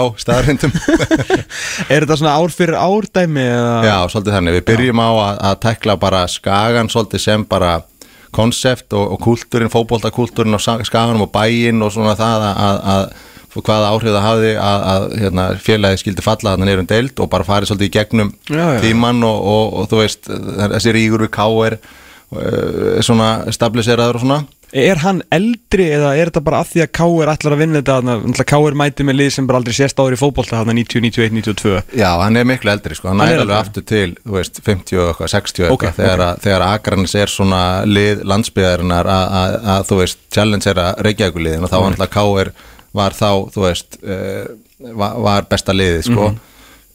Og hérna, þannig að það fer lengra aftur, en síðan er þetta tekið, svo er næsti þáttur er 92 tímabilið, svo fyrir 93 og síðan er, er hérna 94 og 5 í, í næst síðasta og síðan er 96 tímabilið síðasta, síðasti þátturinn. Já, já, já Það er svona að því það er alltaf svo mikið af karakterum þarna og maður svona þekkir flesta, margir sem hafa látið í sér heyra og verið við til um óðin alltaf eða bara orðið skil aðtunmenn, hann er svona vanið Ólið Þórðar, mm -hmm. Gauði Þórðar og rúmlega það, mm -hmm. Guðjón sinir allir, þú veist maður svona þekkir meira af þeim Já, En svona eru svona viðtöl sem að kannski komið þér þú veist, eins og Haraldur Ingólfsson eða Alessandur Högnarsson eða Óli Adolf svona einhverjir svona aðrir sem að kannski heyrt minna frá sem að eiga kannski svona skemmtilegri sögu eða segja skemmtilega frá heldur en maður kannski Já, veit algjörlega og bara það er gaman að sjá þessa menn í mynd, sjá bara, þú veist, sjá það 20 árum setna Já. uh, og heyra þá tala einmitt í fyrsta skipti marga, um að, það, það er svo langt síðan að þeir voru í sviðsljósunu að, að þú veist, það er bara ótrúlega áhugavert að, hérna, fá þá bara í, fyrir fram að kameru og, og heyra hvað þeir hafa að segja, sko, þannig að Þannig að ég allavega er, er mjög ánægð með, með þetta og hlakka til að, að hérna, sína fólki þetta. Já. Líka bara gaman hvað þetta er einhvern veginn það hefur aldrei verið gerð íþróttaheimildamönd eða þættir og þetta er þú veist ég veit ekki fjórði eða eitthvað bara, bara öllum stöðum skilur Já. á síðustu fjórum árum eða? já, já, þetta er eitthvað nýtt og, og eða svona, þú veist, þetta er greinlega er einhver, einhver, einhver bylgja og, og, og þú veist, þetta er já, já, bara mjög va- valið og, og, og þegar þetta sjónvarsefni er vandað þá er þetta mjög gott sjónvarsefni það er mjög margir sem hafa áhuga á íþróttum og ég held að ef þú hefur einhvern snefil af íþróttaáhuga þá möntu hafa gaman að þessari seríu og, og vonandi ná við aðeins út fyrir íþróttaáhuga fólk líka. Að þetta eru bara svona svolítið mannlega sögu, þetta er fótbolti einhvern veginn allt um líkjandi í þessu en þetta er líka svona svolítið bara stúti á það bara hvað fótbolti getur skipt miklu máli bara fyrir uh, þú veist, einhvern veginn ímynd og, og, og bara sjálfströst heils bæjarfélags já. og, og, og svona og bara hvað, þessi kultúr einhvern veginn er, er mikilvægur þessu fólki. Og þetta er eitthvað, þú veist, fyrir það sem kannski ekkert allir vita, þetta er samt eitthvað sem fólk veit, fótbolta fólk veit út í heimi, á, á síðast ári mætti Premier League Productions og gerði sko hálftíma þátt um bara Akarnes og alla þessar menn sem er þeir eru búin að flytja út og geggjum skotirna sem að Guðjón sinni voru að svona tala saman og voru hérna skotið var á, á þriði hæðinu upp í KSI og svona, þannig að þetta er eitthvað sem og segir, svona fótbolta heimurinn veit alveg af. Já, já. það fer ekkit svona unnoticed til að sletta aðeins ef að fjögust manna bæjarfélag býr til veist, 40 atvinnumenn og Já. gæði sem spila í Premier League. Hún segir það einmitt, hún vanda, vanda sig þarna. Eða væri heimsmestaramót 5000 manna bæja þá væri Akranes kalla og kvenna er þið heimsmestarar það er bara hóttið sko. Og þannig að þetta er, hérna, þetta er alveg rétt sko. Og, og þú veist, svo er, svo er þetta líka til dæmis að þú segir þessi nefnirna fjölda sko 4-5.000, það kemur fram þarna á einu tíðanpunkti 1954 þá er leikur á milli Akranes og eitthvað sem heitir Hamborgar úrvalið, ég veit ekki alveg hvað það er. Ok. En þá byggu 2000 manns á, á skaganum en það komu 5000 manns á leikin þú veist það er bara mynda af, af þessum velli skilur af vellinum og það er bara stöppuð stúka 4-5.000 manns á, á leik 50 og eitthvað skilur í, í 2000 manna bæjarfélagi. Þetta er náttúrulega alveg magna fyrirbæri sko. hefur haf, þú veist að nú eru allir jafnaldra sko. Hefur KRI en eða IAK 96 verið toppað? Þú veist, FO, ég veit að FO stjarnan fyrir nála því en, Já. það var bara svo mikið rók og rigning og, og þú veist og þetta voru ekki KRI IA með fullur nei, sko. nákvæmlega, sko, ég segja náttúrulega nei þú veist, þetta er Og ég, ég er þannig sko fjölda svona occasion og síðan liðin sem eru að spila. Þú veist, Akkurat. þeir eru með allt þrend Allir okkar aldrei segja nei sko. Engi spurning að því að það er líka að því að maður, maður sér líka það- þú veist maður sér legendin í þessu, þessum liðum í meiri hillingum Já, já. heldur en jafnaldra mann sem Já, voru að spila hinleikin sko. Eins og ég segi þetta er Óskar Hafn, Hilmar Björns, Óli Kristjáns Stjáni Fimboa þú veist sem eru í Kálinu, Þormóður Eilsson og, og allar þessar Rikki Daða var þarna, þú veist þetta er alveg, alveg ótrúlegt lið sko Já, og skaga, skagalið er náttúrulega svakalegt líka og, Mhm. og þú veist þannig að bara þegar að þetta gerist að, að úslita leikur í Íslandsmóti er spilaður í síðasta leik, það er náttúrulega alltaf sérstakt sko En En þetta verður ekki toppað, sko. Þetta er líka endapunkturinn á þessu hatrið. Þetta er svo hann bara kemur BF og tekur við og svo ánáttúrulega KR millenniumið og svona Mhm. en að yfir þessi fimm ár þá er þetta svona veist, þetta er loka punkturinn veist, nær skæin að fullkomna og fá sjónvastáttaröð um sig eða er KR að fara að fokkis upp fyrir það skilur þú ef maður lítur tilbaka ég maður, ég horfði hann leik, ég var aldrei að stressa það er á ævinni sko, alltaf í gamla dag hataði maður KR, ekki Já, lengur en sko ég var náttúrulega ekki þar, sko. ég var káringur Ég- ég- ég veit, eins og allir leiknismenn í- ég aldrei skilja Ég er náttúrulega var byrjaði að í káir Ég veit það, ég veit- hérna, Þú- Ég var þarna með, sko, full face paint, sem, sagt, bara Nei. káir Káir bara svart hvítur, skiluru alveg bara coverað á mér andlitið. Á leiknum eða langsjónvarpið á leiknum. Vá, bilað Uh, Þetta var, ég var ekki sáttur sko. Ég var bara ge ge gerði þarna Svo grænjandi bara einhver 12 ára Bjarni Guðjóns búin að koma okkur skamunum yfir eftir, þú veist, 7 mínútur eitthvað. Ég var svo mikið skamur á þessum tíma ég, Nei, nei, þetta var gega Herru, rétt á hann að þú vorum minnast á, á Beckham Þú búin að horfa á það? Uh, nei, ég er búin að sjá þetta út undan mér nokkur atriði en, en hérna, ég er búin að vera sko alveg bara í hérna, bara lokaður af í Já, ég- helli að ég er með tvær sjónvarsýri sem Einmitt. er að frumsýnast á sama tíma. Meira að gera á þér nokkuð greinlega Já, og, hérna, og ég er náttúrulega ætlaði að vera komin fyrir hérna til ykkar og byggðist innilega að, hérna, að, hafa klikkað aðeins. En, en það er bara svolítið ástæðan. Erum ég er að komast yfir svolítið skap þannig að um leið og ég kemst í það þá ætla ég að horfa á þessu Mér, hún, hún lítur vægast að vel út. Já, hún, hún er líka an, ansi flott sko Herru, við að sleppa hún út í daginn minn Ég er ekki frá því, Er það ekki? út í jólasnjóin Já. Herru, takk hjálpa fyrir komuna Hannes. Og þetta er á mánudaginn. Mánudaginn, Næstu fimm mánudaga Já, á Klukkan?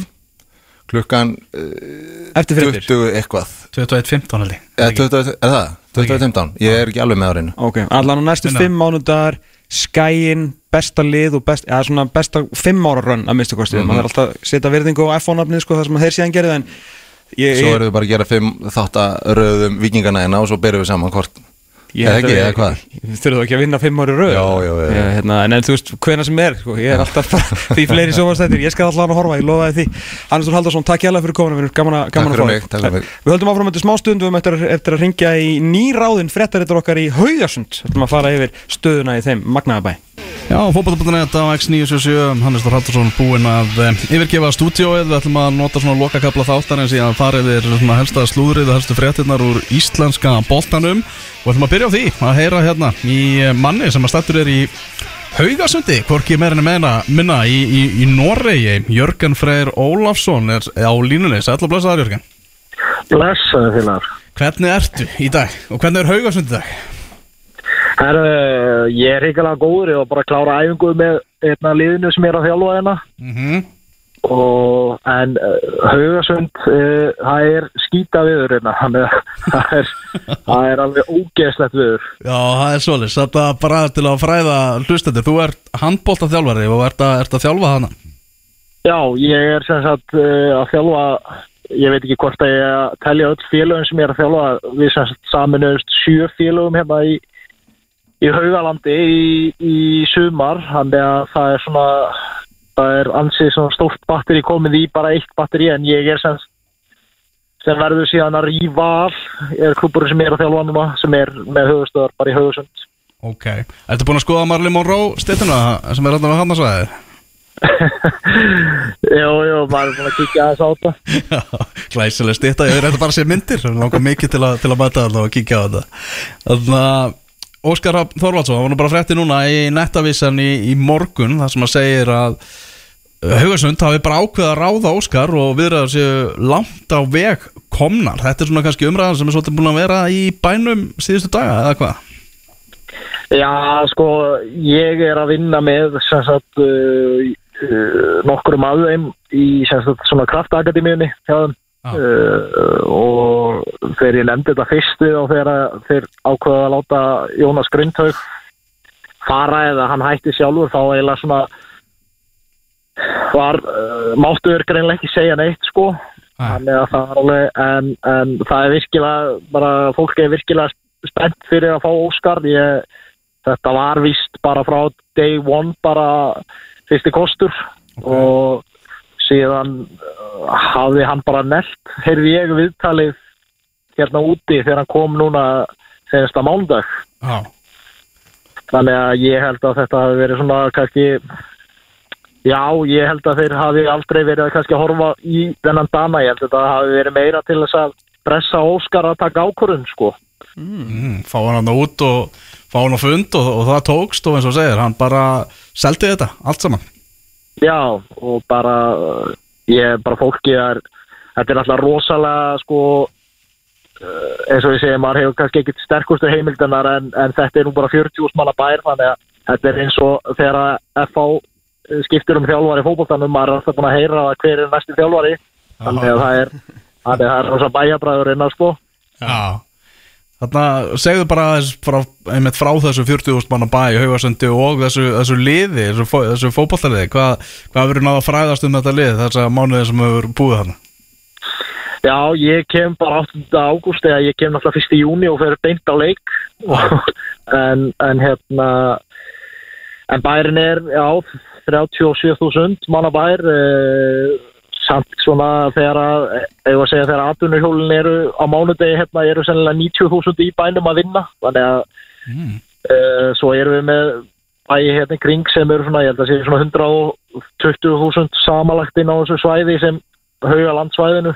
Já, um, klúburinn er uh, hann er svo miklu starri heldur en ég gerði mig leila greinferðir sko. Þetta er bara ég, þú bara keirir ekki um götturinn á þess að sjá bílmertan haugusund sko. Ok. Þannig að það er, Svona bæjastolt já þetta er rosalega þeir eru rosalega heitir og þetta hefur verið rosalega erfitt hérna upp á síð, eða semst fyrir utan núna kannski senstu tveileikir að svona bjart framöndan eftir þá og, og vitandi það að það er loksins að koma þjálfar í höfn sko. Mhm. en þetta hefur verið ívulega þung stemming hérna fyrir fótbollannum og, og mikill pyrringur yfir uh, bara já, genginu sko. Það var uh, það hérna ég fór á leikina mútið Viking og þar voru minni með 7.000 og eða 6.800 eða eitthvað, ég maður ekki alveg. Og þett setið sko og þeir áttu bara að vinna þann leik sko. Það er bara ótrúlega að vikingur vinnur 2-0 sko. Já, þannig að þetta hefur verið svolítið sagan í bara eiginlega gegnum tímabili þeir hafa verið betri í kannski ekkert öllum leikjum en, en mjög mörgum leikjum og bara hreinlega bara gert auðarlega mistök og, og bara já, fengið það í bakið sko.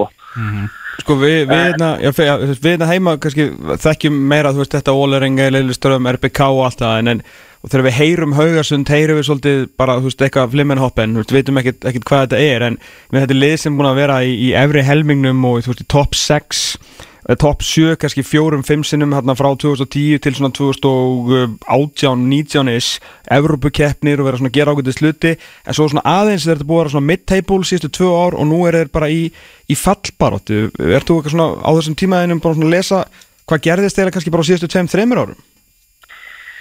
Uh, þeir hafa verið svolítið í því að selja leikmenn sko og lið þarna fyrir ofan búið og glemt uh, ég, ég er ekki alveg með á hreinu sko hva, hvert þeir eru að fara en þeir hafa verið að fara í starri klúbana sko. Já, uh, en það er eiginlega ótrúlega hvað þeir eru neðarlega með við budget Já, í bænum. Það er sko uh, fólk talar um hérna að það hafa aldrei verið fleiri Rolex úrselt hérna fyrir núna og, og þetta, er allt, þetta er alveg skilu það er alveg peningastreymir hérna sko. Þannig að, að það er eins og og þeir hafa alveg sagt að sjálfur sko vandamáli er ekki peningar sko. Það hefur greinlega verið bara leikmannakaup þeir, þeir ég ekki en þá fóður Diarra, ég man nú ekki alveg fyrir hann með þeirra svo sóklamann og hann bara, þetta hefur einhvern veginn alltaf einhvern veginn hitt bara illa á leikmenn greinlega í, í svona já, þeir eru að fara í svona útlendingalottir í Mm. og, og það er alveg svona, já, það hefur verið uh, já, þetta hefur verið svona freka þungt síðan ég kom en, en svona skýringi þeirra hefur verið svolítið að þeir hafa verið að missa leikmenn og svo er uh, sko uh, strákar sem fara í akademíuna þegar þeir eru búnir með sem framhaldsskóla þá flytja þeir oft ah, mm. í háskóla annað eða fara í militærið eða, eða svoleiði sko þannig að það er engin svona almennlur háskóli fyrir frákana sem verður kannski ekkit endilega sem getur bara verið svona lokal haugstandspilarar sko. Einmitt. Þannig að ég veit ekki þetta er svona bestu útskýringar sem ég get gefið ykkur eftir þess að tvo-þrjá mánuði sem ég er búin að vera hérna. Mhm, já, Ef þú, þú talar um, um peningana ég meina, þarna er hérna, mikil, mikil ólja það er ný óljulinda, ný leið til að finna hérna, ólju voru þeirra að kynna um daginn, stærsta höfnin í Noregi, allan hvort sem skipahöfnin eða, bátahöfnin, þannig að fiskar og, fiskur og ólja þetta eru, þetta eru alvöru seðlar, þannig að við erum að tala um að þó þetta sé ekki Rosenborg eða Voleringa, þá, ég meina, ef þú Óskar er ekki að lappin eitthvað grín gig ef þeir halda sér uppi að þá er ætti að vera nóg til til þess að reyna að búa eitthvað stórt til hann Já, ég, sko, já, ég held að það er, ég held að líka með kröfum Óskars, ég held að þeir bara segja já og amen, sko, þetta hefur ekkert verið auðvelt að finna þjálfara og, og hérna, og Danin sem tók við, uh, það var alveg ljóst frá deg, eitt að hann myndi bara saman hvað hann myndi gera, sko, hann myndi ekki halda djópinu, sko, þeir voru alltaf að fara í Óskar, sko, Já, akademiðstrákurinn sem að fekk þetta til bráðabyrða já, Já, þannig að, að hérna en hann hefur svo sem gert alveg ágætlega en, en, en það eru náttúrulega ríkala- síðan eftir með Haugaland Kraft sem er bara skilu og Haugusund Sparabank sem eru svona lokal stærstu svona eru bara í Haugusund sko þannig að það er alveg eins og ég segi það eru já já það er ekkit það er ekkit lítið til að penningum eina og, og samstarfsamningar sem þeir gera eru, eru svona ef að segja svona 400 sem stærri heldur en nokkuð tíma handbóltaklúburum minni er að gera. Þannig að, að hérna að ég held að ef Óskar tekur þessu ég held að þetta geti orðið rosa spennandi líka bara svona stökk fyrir um, íslenska leikmenn að geta farið þangað bara til að byrja með sko og reynda að hýfa þetta upp sko. Ekkert Aron er nú sterklega svona settur í blöðin hérna að koma með honum. Já, þannig að, að, að jú, jú, Óskar er ekkert að lappa í eitthvað skilu hvað svona félag sem er að bara á kúbunni sko. Þannig að, að ég held að hann fái svolítið að stýra því hvað verður gert eh, ef hann tekur við þessu. Já. mhm. Hérna, hefur eitthvað, eitthvað heyrt á, á, á kafeteríunni hvort að uh, hann taki við strax eða er sama hvað þá tekur hann ekki við fyrir nýju tímbili hvort sem þetta sé aða bjötild Nei, ég hef ekki sko, ég held að þeir miði við season uh, endið sko að 15. desember eða eitthvað svoleiðis held ég að senstilegur hjá hann sé Mm. eða fyrr, ég er ekki alveg með á hreinu en, en, en hérna ég nei, ég hef ekki hýrsta en, en ég gæti alveg trúa að það er, hefur alveg verið svona spurningar held ég líka í blöðunum. En það er, er eh, og fólk hefur alveg verið svona að spyrja sig eftir að hann var látið fara fara á blikum hvað þeir gera núna, skilur núna er bara komin að önnur staða. Það getur vel verið að þeir krefjast þess að hann, að komi bara strax. Mm. þannig að, að hérna og bara byrji svona undirbúning fyrir næsta tímabil en, en það er náttúrulega uh, væri helviti vont ef þeir myndu falla um deilt hérna sko því að það er hvernaboltinni líka falla alvarsnes Jónar með Rísa og félagar. Þeir eru náttúrulega bara nágrunnu við okkur sko. Ah. En Jónan er Rísi að þjálfa kannaliðið já, í alvarsnes þannig að það er einhverjir peningar þarna í, í bænum sem þið segiru Uh, því miður reynda alvarsnes sennilega bara á leiðin á kúpuna sko, þannig að það er svona uh, Vandalega því að hann fær svo mikið líka Þetta er maður sem elskar seðilin sko. sennilega. Já, Já er alltaf skrítið kannski fyrir Óskar að ef allt myndi fara illa einhvern veginn að þurfa að fara að hefja uppbygginguna sem þjálfari svona andlit einhvern veginn síðasti maður sem sátt í þjálfarastólnum eða myndi svo falla þannig að ég veit ekki alveg hvað það er við bara vonað að þeir, þeir haldi sér og hann getur bara hafið þetta æfintir í elitseríunni Ég meina, ef þeir falla, ég meina, þá bara færa hann bara sveirum til að vera bara með besta liðið í, í Einmitt, og, einmitt, ég að sm það- sm smíða þetta saman Já, já, það er, ekki, er engin heimsendir sko. Nei, nei.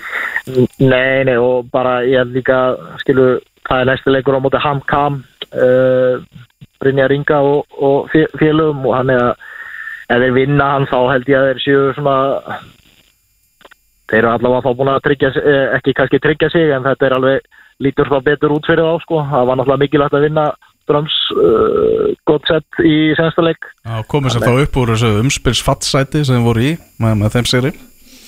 Já, og svo, svo bara eins og ég segi þessi deildi er náttúrulega líka bara búið að vera segjast úrslit hafa líka verið ótrúlegt sko, Ólasund vann Trömsu bara, skilu, sem enginn bara held í Nóri bjóst við sko. Mm þannig að, þannig að þetta er svona já, ég held að þetta sé alveg skilu bara hrikalega gott skref fyrir Óskar sem þjálfar að taka og, og hérna þeir hafa ekki verið þekktir hérna fyrir að uh, láta þjálfara að fara. Þetta er eiginlega Jónas Grindhaug hættir sjálfur sko. Þannig að uh, út af ósætt í leikmannhófnum heyrði ég sko best. En svo getur það líka verið rámt en, Mm. en, en eins og ég segi þetta er held ég bara hrigalega gott skrif fyrir Óskar að taka Það verður reyngilega gaman að fylgjast með þessu hljóta að fara að ganga frá þessu kannski bara eftir, eftir næsta leik eða eitthvað vinna hann og þá verður allt svona einhvern veginn þægilega Það ger ekkert að sundum það, Það, það er þetta rétt, þegar normið, þetta er náttúrulega sannkristi fólk sko, þá er það kvílt á, á sundum. Herru, Jörgur Freyr, nýráðin frettarittari.net í Nóri, takk kjallaði fyrir spjallið, reyngalega upplýsandi eh, gaman að heyri þér og, og gangið vel í, í þínu störum líka og vonandi farið kannski smá aur frá Óskarið þegar hann kemur Takk fyrir þetta. Takk, bye bye Heyrjumst, bye bye. Bye. Það held ég að vera að tala um að já, hún skal rafn sé bara nálægt í maður skrifa undir við, við haugasund. Það geta verið bara tilkynnt hvað og, og hverju. Já. og vera orða eins og ég kom, kom inn á í upphæði þáttarins. Ekkert Aron að stjórnumann hvort hann jafnvel farið með Óskari í, í flugvelin út? Þetta er svona, þetta er alltaf mann sett upp fyrir hann að fá styttu við hliðin á Marley Monroe Já, veist, þetta þetta, er svona lítill bær sem elskar hérna, elskar fótbollaliðið sitt það er ógæðislega mikið af peningarna í búði hversu mikið af þessu fyrir fótbollan veit maður ekki en Nei. það er hann var að segja á Jörgen að þetta er náttúrulega risa budget þarna. Þegar þeir vilja gera vel. Það er ástæði fyrir að hauga sund í 40.000 manna bæi búið að vera í efri hlutunum og búið að ná þriðja og fjórða og fymta sæti núna á síðustu árum. Það er náttúrulega að þeir hafa verið að fá til sín dýraleikmenn verið í, Evrópu- í undakefni Európu og svona. Uh, og ef þeir alltaf bara gefa honum svolítið leiklana uh, hérna, flottu völlur það var náttúrulega mega vesir útistunismennir eru fyrir aftan annar markið, sest, aðkomu stunismennir Já, og svo stúka er mjög lítil, þú sé bara tíu raðir eða eitthvað. En fyrir ofan hana er bara hérna, svona steipuklumpur og svalir og svo er bara svona risastór blokk fyrir aftan völlin, þannig að ef þú byrjir þessari blokk þá þarf aldrei að borga þennan völlin því að þú getur séð leikina og þá er ég að menna að þetta er sko bestu sætin í húsinu. Mm. og það er hérna uh, gestastunismann í man ekki hvaða liðið þetta var um daginn voru sko reyna að komast upp og alltaf að fara í slag við fólkið bara fólki, fólki í blokkin Já, fólki í blokkinni og þau voru bara að láta sko bara hnefan að bara að passa að fólki kæmist ekki upp sko. Þannig að hérna, það er, það er, það var hitti hérna líka og allan að þetta, þetta er, ég er svona eftir ég fór, fór að kynna mér þetta meira, þetta haugar sem hljómar alveg hræðilega einhvern veginn í eirum íslendinga að við þekkjum bara Rosenborg og Lilleström og Vollerenga og hérna, ég veit ekki hvað og hvað. Og svo orðið haugur er ekkert mjög Nei, jákvætt það er sko. mjög ójákvæð, það er ekki jákvæð svona fyrir okkur, okkur íslendinga. En það er einhvern veginn að það er allt í búið Þetta er svona graslið Já, Já Hérna, þannig að já, þetta verði, spennandi og, flottu staði fyrir strák eins og eins og að gert árun að byrja á sko. Já, mjög svo áhugavert. Já, En áhugaverð sem að Jörgen uh, var segja með að hann væri samt númer eitt og Silverbauer hérna það ekki, Silverbauer já Silverbauer, Já. að hann væri díkóið þegar ég held að væri sko öfugt. Já, einmitt. Að hérna, en, en, Það var mikil spenna í bænum fyrir, fyrir Óskari. Já, mm. Gaman að heyra það Haldur Átnason, ráðinn þjálfari breyðabliks og það var bara tilkynnt þannig að hálftíma eftir að var tilkynnt að að Óskar væri, væri hættur eða látin hætta. Vildi náttúrulega klára sambandstildana á Óskar eins og frætti er. Uh, Ég heyrði að hefði já, það verið vilja leikmannópsins hjá breyðabliki að Dóri yrði þjálfarinn en ég var farin að búast því að Rúna Kristinsson tæki við þessu sko. Já, ég var líka já, ég líka. Já, svo var einhver fletta á einhverju sem heldur að Arna Gretarsson myndi mögulega hoppa yfir og Rúnar taki val og eitthvað en þú veist það var nú held ég meira bara eitthvað kvíslum ekki neitt sko. Já, menn eru mikið að svona giski eðurnar á silly season í, í þetta árið sko. Já, og stundum er ekki svona eiða til að giski þá bara búa þær til eiðu og giska svo í bara Búið til, til aðskonar En Haldur Átnarsson fær hann tröstið sem er mjög áhugavert og þú veist maður, hann var bara sann eftir að sanna sig sem, sem aðalþjálfari, maður hefði haldið með fulltri vinningu fyrir Dóra að það væri meðan Rúna Kristinsson er laus að það væri kannski svona fyrsta skrefið sem við myndi reyna. En hann fær tröstið og eins og ég er búin að taka saman áhugavert að 7 af 12 aðalþjálfurum liða sem voru í bestu dildinni eru, eða voru sem sagt aðstofað liðsins sem en stigu síðan upp. Þannig að þetta er bara leiðin sem Íslands félög er að fara núna. Tíska núna að gefa ungum og, og svona feskum þjálfurum tækifærið og 7 af 12 voru áður í stöðu aðstofað liðana sinna. Það er, það er mjög áhugavert sko. Kannski munurinn á Dóra og, og kannski mörgum af þessu þjálfurum ég er svo sem ekki með öll nöfnin en þegar ég hugsa um Arnar og Loga að ekki á kannski sömu vegferð og ætlu ekki fara að gera sömu hlutina Jökull og Gústi Púst alls ekki. Þannig að fattur þetta svona aðeins en Halldór og uh, Dóri og Óskar hérna, Rapp, þeir hafa alltaf haldist núna hend í hönd í áratug eða eitthvað skilur Já. eða hvað sem lengist eru búin að vera þarna saman með þetta gróttu dæmi 6-7 ár eða eitthvað 6-7-8 ár þannig að það er náttúrulega bregðarblik að veðja á bara samfellu og áframhaldandi sem sagt, eh, velgengni með það sem að þeir hafa verið að gera því að Dóri Átna en náttúrulega ég efast um að hann að fara að breyta ykkur þú veist, Dóri Átna er bara búin að vera aðstofamæður Óskars í öllu sem að Óskar hefur ákveðið. Ég efast ekki um að Dóri hefur haft input í hinn og þessu en mm. veitum alveg hvernig Óskar er, hann er búin að stýra þessu og Dóri er búin að vera hún til aðstofar þannig að Dóri fær vantalega bara það verkefni að halda áfram því sem Óskar er búin að búa til. Sem er svona eins og ég segi, munur kannski á hinn, hvað, hvað upp Ég meina, já, Raki Sig gerði það náttúrulega með, með fram núna og, og Haraldur Freyr var ráðinn hjá Keflaðik eftir, eftir að, að Siggi Raki fór. Uh, síðan hérna um, aðrir Káa, Hallgrimur Jónasson var aðstofþjálfar hjá Alnari Gretasinni Já eru kannski svona samt að, aðeins uppaðir, þannig, mm. þannig. Ómar Ingi var aðstofþjálfar hjá Brynjari Bitni og tekur saman við þegar Brynjari Björn fyrir, fyrir út. Já, þetta er, er áhugavert sko. Uh, Það er náttúrulega líka Já, annarkvort hafa menn verið sko algjörlega undur um eyði og vilja þó prófa eitthvað nýtt eins og með Jölla og, og Arnar Gunnlaugsson eða þá hafa verið ánæður með það sem er að gera og vilja þó halda, eins og segja, svona samfellið í því sem hefur verið að gera sko. En, en þetta er náttúrulega, þetta er sem alveg áhætta ég meina, Haldur Arnarsson hefur aldrei þjálfað mestaraflokkslið á þessu kaliberi Nei, og hann er að fara í deild með sko K.R. sem er með því líka þeir alltaf gera alvöru hluti, maður enda veit ekki hvað gerist nú þegar þeir fá ekki Óskar Örd því að Óskar maður heyrir að Óskar, Óskar Rapp segi að maður heyrir að Páll Kristjánsson hefur sett sko öll ekkin í Óskar Rappsköruna, hann að hvað þeir alltaf gera núna verður vægast allt áhugavert að sjá. Sko, valslið já. sem að setti sko vantalega stiga með sem silfurlið og þeir allir sér heldur betur alvöru hluti á næsta ári. Þú ert með hérna, þú ert með FH sem ætti nú bara að vera betri. Þú ert með Viking sem að eru þú veist early favorites að vinna þetta aftur ef við bara tölum hreint út akkurat í dag Mm. hann er engin smá dild sem Haldur Ronnarsson er að fara í sko. Já, ekki gleyma stjórnunni stjórnir komið góður Já. sko. Meina, það er bara besta liðið í síðustu 7-8 umferðina þannig að þetta verður, alvöru, alvöru fyrsta gig sko, en, en Dóri býr vel að því að er búin að vera hann lengi og, og þekkja strákana og það er þó gott að hann hefur tröst þeirra Já, eins og segir að við erum vist peningar hjá, hjá KR núna og spurningin, hver tekur við KR Óskar Rapp, að taka við Haugasundi og segir, setja öll öll ekkin í, sömu körfu þar. Já, ég, Svo- ég heyrði það ennum káur um daginn að það var bara, það var planið.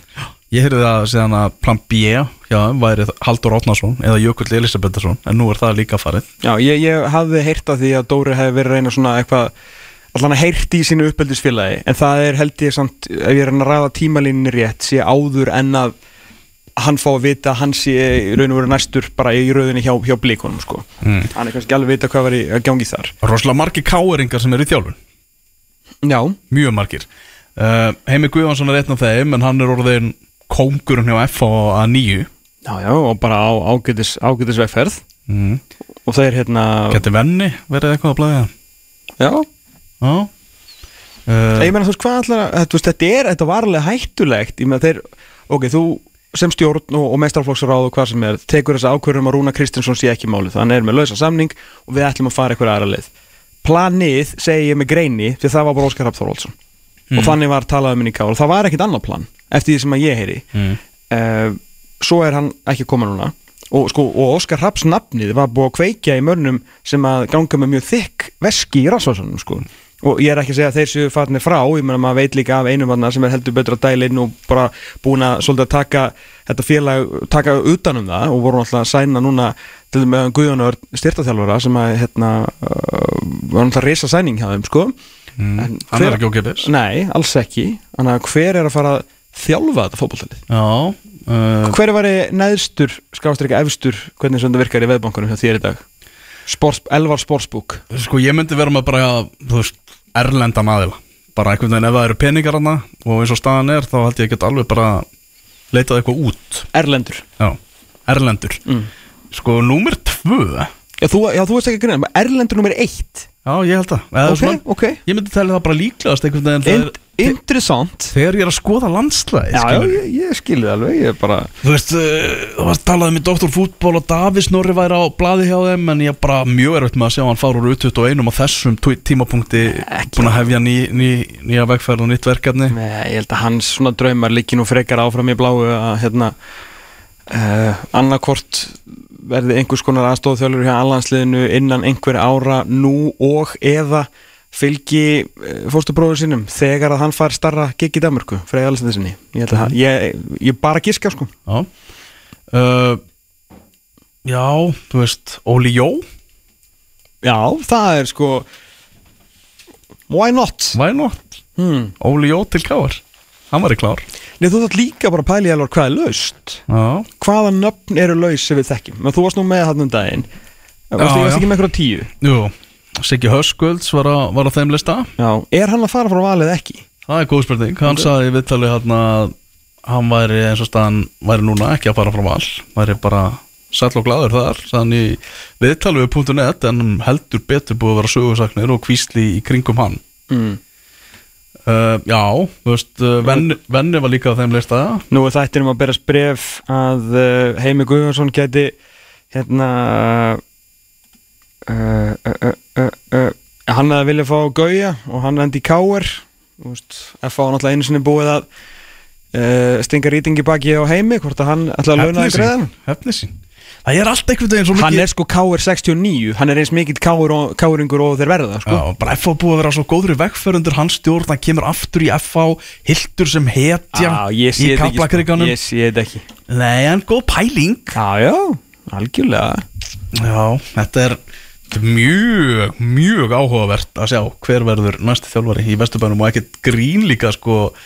Fyrst að taka við KR, fara í skóna hjá Rúnari Kristinsinni Mhm. og ef það gengur illa, þá er fullt af KR-ningu sem að bara byttu, vorum við að láta Rúnar fara fyrir þetta. Jep. Þetta er, þetta er svaka starf að taka að sér. Svaka starf. Herðu, framstarfið, það er ennþá lögst og það er bara alveg augljóst og það eru skipta skoðanir innan fram hvort að Raggi sig sé maðurinn til að leiða liðið áfram. Og það er Rúna Kristinsson líka nefndur og getur við séð Rúna Kristinsson taka, taka við fram? Getur við séð Rúnar og Ragga saman? Nei. Nei? Menn eru náttúrulega langt frá með að við verum að tala um að það sé ykkur peningar í KR þá heyrum að það sem menn séu svona langt frá því að vera að senda í sæðlum í Úlfarsaldanum Róni Kristinsson er ekki verið að taka við fram. Svo þjálfari sem tekur við þar alltaf að mestu leita að vinna bara með það sem er til staðar hjá, hjá klúbnum Já, já, mér er líkilatrið þar. Við sáum hver er svona samhangandi ástæða þess? Hver er búin að standa hann á hliðlinni hjá fram þegar bestuðu gengi í síðustu fjögur árin? Þorvaldur Öllugson Nei. Nei, bara núna síðustu árin sko. Það var nonni, Já, skilju já, Jón Sveinsson. Já, nei, ég menna, þú veist, hver stóð með honum, hver vann alla leikina og svo töpuður öllu og svo kom hann aftur. Aðarsteinn Aðarsteinsson Bara að benda á þetta, sko, þannig að þjálfa alla þessu ungustráka ah. En náttúrulega Totti líka orðað við fram. Það var ekki til að sjá, Já, það var ekki gaman Totti er náttúrulega gríðarlega miklu metum En byrju, herru, wow, Ólafur Helgi Kristjánsson er káður Já, Óli Kristjáns. Hann er káringur í húð og hár. Já. Nei, hann er F-fangur, sorry, að spila Hann er með F- Sorry, er sorry, sorry, sorry. Að Hannes var að segja að hann var að spila þarna á hann var eitthvað sem öskraði útvarpið Þannig að við heyrðum það. Já, sorry, en ég leiði þetta strax. Já, vel gert. Ég er bara, það var smá brainfreeze Hann spilaði með káir á gull á, eða, þú veist, gullaldar árunum sem urði ekki anninu þannig. Spilaði mútið Evertón og unnukut byggar og eitthvað. Að, hérna, En hann var í káir og er laus Og er, hérna, hann er með prófíl og, hérna, Já. ego til að þjálfa káir Það er ekki mólið það Hann, hann var á tíu, top 10 listanum líka sko. Og Gústi Gilva, hann var líka á top 10 listanum Sigur ekki Brynjar Björn. Já, það voru bara að nefna alla sem, sem er svona hafa verið orðað við Og káar hann nýtryggja okkur. Já, heldur betur. Herri, ég ætla að setja Óla Kristjáns, nummer eitt nú. Já, ég ætla, yfir, yfir ellendan já, ok. Káringin Óla Kristjáns. Ég ætla að setja útlendinga 1 Óla Jó 2 Ég segi Óli Kristjáns, Óli Jó, annar góðu káringur en Óli Jó og síðan erlendur káringur. Já. Þegar það var í gangi mikla kjaftasögur um mögulegt þjálfaraskipti hjá fylki en uh, Arnar Þór Jónsson sem er fóruða knastbundelda fylki saði viðtali við Sæbjörn Stange að bara rúnast á sig okkamandi vel í sumar og við stjórn knastbundelda sjáum enga ástæðu til að gera eitthvað breytingar sem að ég skil líka vel það er ekki sannlega galið að láta Rúna Pál fara Ég með þetta er náttúrulega það er ef að þú ætlar ekki að setja pening í liðið að þá er þetta ekki þá þetta besti maður í heimi til að hafa hann er ekkert að við um neitt. Já. Ég meina þeir voru að reyna að, að hugsa út fyrir bóksið eitthvað og þeir reyðu allasvein og það fór eins og það fór sko. Já, ég, er bara að segja að ef þú ætlar að hafa þetta svona og byggja bara einhverjum ungum mönnum og vilt hafa þjálfara sem að gerir ekkert annað en að stappa stálun í það og hvort sem það sé inn og við út og við að, hérna, að þá væri náttúrulega algjörlega stjartfræðilega rugglað að að ráta Rúna Pál fara sko. Já, en það bara eins svona skrítnasta sagan sem maður hefur verið að heyra núna á þessu silly seasoni sko. um, svona, við förum yfir svona ymsa móla um, um það sem er í umræðinu í íslenska boltanum. Uh, FH að virkja framlengingu á samlingi VÚK sagt að, að Víkingur hafi sínt honum áhuga en, en FH með klásulu um, að- um að framlengja. Já, hann skrifaði undir FH heldur fyrir tveim dögum sko. Já, Birnir Snær hann er með klásulu um að geta að fara erlendis á frjálsir sölu Já, talandum að vera að spila kontrakt í þessi rétt og Ólaður Garðarsson mm. hann verður 27 ára í, í desember og þannig að svona, myndum við myndum að segja svona komin yfir eðurlilegan atvinnumanna aldur að fara út en En komin langt yfir síðasta söludag þegar kemur að, að svona atvinnumennsku almennt Já. en hvort að sé Noregur. Eitthvað væri til að taka hann á þessu hægi þá, þá er ég meina sem endursölu. Þessi lið eru svo mikið að spá í endursölu. Já, já, en uh, hvort að sé eitthvað lið þarna í, í neðri hluta Noregs mid-table, eitthvað svo leiðis jafnvel lið sem ætla sér upp úr bjettild þú veist eins og Fredrikstad var núna. Hvort að þeir vilja nýta svona þetta hæ sem að bytti er á og, og hérna, taka hann í 1, 2, 3 ára eða eitthvað og þú kannski fá ekki endursölu út úr honum, getur fengið góða leikmann í nokkur ár og, og svo bara fer hann aftur heim. Það væri, væri gaman fyrir hann en Guðmund Almáttur sem myndi sjá eftir hann en síðan þarf þetta að horfa hinum megin geta að fara í haugasönda maður sagði hann alveg fyrir þess að Óskar myndi taka hann og láta svo bara æfa með varaliðinu og hjálpa Dóra þess. Nei, ég segi svona ég, hérna, En hann er náttúrulega er í hörku námi eh, Hann er náttúrulega samti á frábærum tíma Ég menna fyrir hann í tímabili samningslaus og er besti maðurinn á mótinu þannig að ég held að, að segja sér nokkuð sjálft að hann hefur það ágætt hjá, hjá Vikingi er í námi, er með ungt barn og líður rosalega vel í eigin skinni núna heima þannig að Viltu fara að rífa það allt upp fyrir uh, tveggja þryggjóra töl í, í Norri? Þú veist, það er bara ákvörðin sem hann þarf að taka, skilur? Einhver ástæðan fyrir þessi klásula til staðar í samlingnum Ég ætla að Ekki, ekki, giska- ekki, ekki spurning. Giska hún hafi ekki komað að frumkvæða vikinga Nei, ég ætla að gíska ekki En, en það er samt betra að mitt uh, Fyrst að hann er talað um belt og axlaböndna að, vitna í, í það að þú ert allan að með þetta ef eitthvað þú veist kemur upp á. En ég myndi halda að að vera svolítið spennandi. Mm. Og sko vikingum til aðmyggjum með uh, Oliver Ekroth gerði nýja samning til 2026 Já, uh, Og Óskar Örd komin í vikina eins og við myndast á áðan orðin styrtarþjálfari þannig að skórnir vantanlega komnir upp í hillu hjá honum. Já. Uh, Aðstofþjálfar gikki á stjörnunni Baldur Sig og Björnberg Bríði orðaðir við aðstofþjálfari þjálfara gikið, Saman eða annar hvort þeirra? Annarkur þeirra. Bjössi þá spilandi eða? Mm, Já, myndi þá mögulega bara leggja skona á hilluna. Já, ok. Það meina hann fekk tröstin alltaf á Norðan heiða. Mm. Hann var og er bara í gríðalum gríðalum metum í garðabennum uh, Taldu stjórnuna, Örvar Eggesson komin í stjórnuna staðfest og Joey Gibbs á, á förum og þetta segja það að Örvar kemur með svona nýja vinkla inn í þetta garðabælið, er hann að fara að vera bara varamaður fyrir Emil Atlasson eða svona vopna á bekknum til að koma inn og koma með svona öðruvísi, öðruvísi feature í liði, Ég ætla að haka hérna í alltaf ofan hefur. það ekki? Jú. Jú. Þetta er með drágavert Já, þetta, þetta er hérna hann náttúrulega átti frábæra fyrri hluta leiktíðar en síðan var náttúrulega bara jafn lélugur og þetta hákálið var mm. setni hlutan og voru náttúrulega hreint út sagt ömurlegir en hann hefur náttúrulega skrokk sem ekkert margir hafi í þessari deild og maður treystir strákis og ja, manni eins og, svo jökli til þess að gera eitthvað meira með hann og þetta gefur þeim líka viti að að fara lengra að fara aftur fyrir. Hann er ekki sama teknitrölli og þessi strákar sem er að koma upp úr La Garcia. Mm. með aðra, aðra þætti. en, en með aðra þætti og, og þeir eru á leiðin í Európu líka þannig að þar viltu nú oft kannski aðeins liggja tilbaka á hendunum í hálsvæðin eða aftur fyrir línur og þar getur Örvar Eggertsson stungið meiri sér leikmenn frá útlöndum af sko. Þannig að ég veist alveg spennandi. Skemmtileg típa og eins og segir bara frekar svona sjaldgef ég hef ekkert opnað, ef ég væri stundismæður stjörnunar hef ég ekkert opnað kampaðinn þú veist yfir þessu senni en þú veist þú þarf líka að vera með stóran hóp eða þeir eru að fara í alla keppnir mm -hmm. er það Hans Viktor uh, Kristján Óli saði í þungaviktinni að valið staði í honum milli FO eða KR hvort félagið tækið þú ef þú verið Hans Viktor sem var að rifta samningi sínum með fjölni Þetta er rosalega erfið spurning því að þetta eru liðin sem enda þarna í 5. og 7. sæti og ég bara átta mikið alveg á sko, hvað er að fara að gerast maður er að heyra af, af fjárhásleiri einspilningu í káir þeir er alltaf greinilega að fara að hugsa meira uh, um hérna hvað er að gerast í kringum liði með, að- með að ráða gauja. Þeir munu vantanlega en að fá sér ykkur, ykkur öfluga leikmenn. En aftur á móti hinum meginn ertu með þjálfara sem þú veist hvað, hérna, hver er fyrir hvað stendur. Og er náttúrulega núna að fara inn í annað árið sitt eftir, eftir endurkomuna. Þú veit með hérna, bestu aðstöðuna á landinu líka. Þannig að þetta er svona og það sem að kannski líka munur, stærsti munurinn er ofan á þetta er að F-fáingum náttúrulega sárvantar miðvörð. Og þeir eru sko bara grátbyðandi um, um miðvörð. Mhm. þeir bara þeir helst spila ekki með miðverði Já, okkur lata hann í hattaka fara inn og Þannig að þú farið einhvern veginn að spila fyrir reysa klúb sem að er komin klálega lengra þar sem að þjálfarinn er farin annað árið með bestu aðstöðuna. Svo er það bara spurningum, spurningin um peningin en ég meina strákar úr útkverjum sjá, eru ennþá halda ennþá að káur séu stæstir sko. Frednar er ekkert alltaf farnar yfir gullumruna þannig að spurning hvort að hérna, hvort að svona hann sjáu bara stjörnur í ögunum með, með káur en ég held að báðir staðir verði, ég held að efri hlutin verði alveg brjálæðslega kompetið fyrir næstari sko. ég er orðin frekar spenntur fyrir mótunum strax sko. Ok, geggjað, geggjað. Er ekki Smith, hann hefur hérna ímsu kosti á Íslandi samkvæmt fréttum. Já. Uh, fjall náttúrulega með eigamenn núna og hún er stundir búið að vera áfram í tvífalli Vestmanni núna, þetta er ekkert eitthvað svona smá Aron Ramstel feelingur í þessu. Þannig að nú ætti hann í raun og vera að fara í KR og og ja, hann náttúrulega, Viktor var í markinu hjá, hjá leikni í fyrra, Já, hann var okkur í, á val kom, komið þangað sko. fjall hann ekki? Nei, hann held upp, já, sorry, já. Já. Já, Viktor kom bara inn í loka leikin, já. Afsakið, á móti vikingi, sko, hérna á fyrra tímbilu Já. Leikni held sér uppi, já. Það er rétt já, þrjú lið.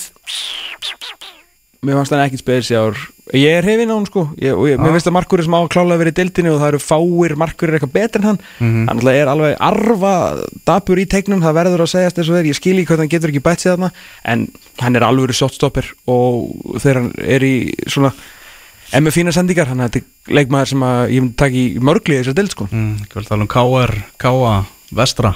Ég myndi taka hann í káa en að oh. Líka bara því hann er vanur eitthvað svona að vera aðeins út á landi. Ég held að hann sé ekki alveg með profilin í káir akkurat núna. Mm. þetta er svona brota af þeim sögum og svona umræðum sem er í gangi í kringum íslenska boltan það er fullt, fullt í gangi og Hvernig gengur hérna Höttarmag Junior kaflöfið? já, Lottóið þar? það verðast bara allir vilja fá hann. Eðlilega, hann er bara Já. síðasta nýjan. Já, komið með nýjan umbósmann Nú, hvað er hann ég, einhverja, mann að ekki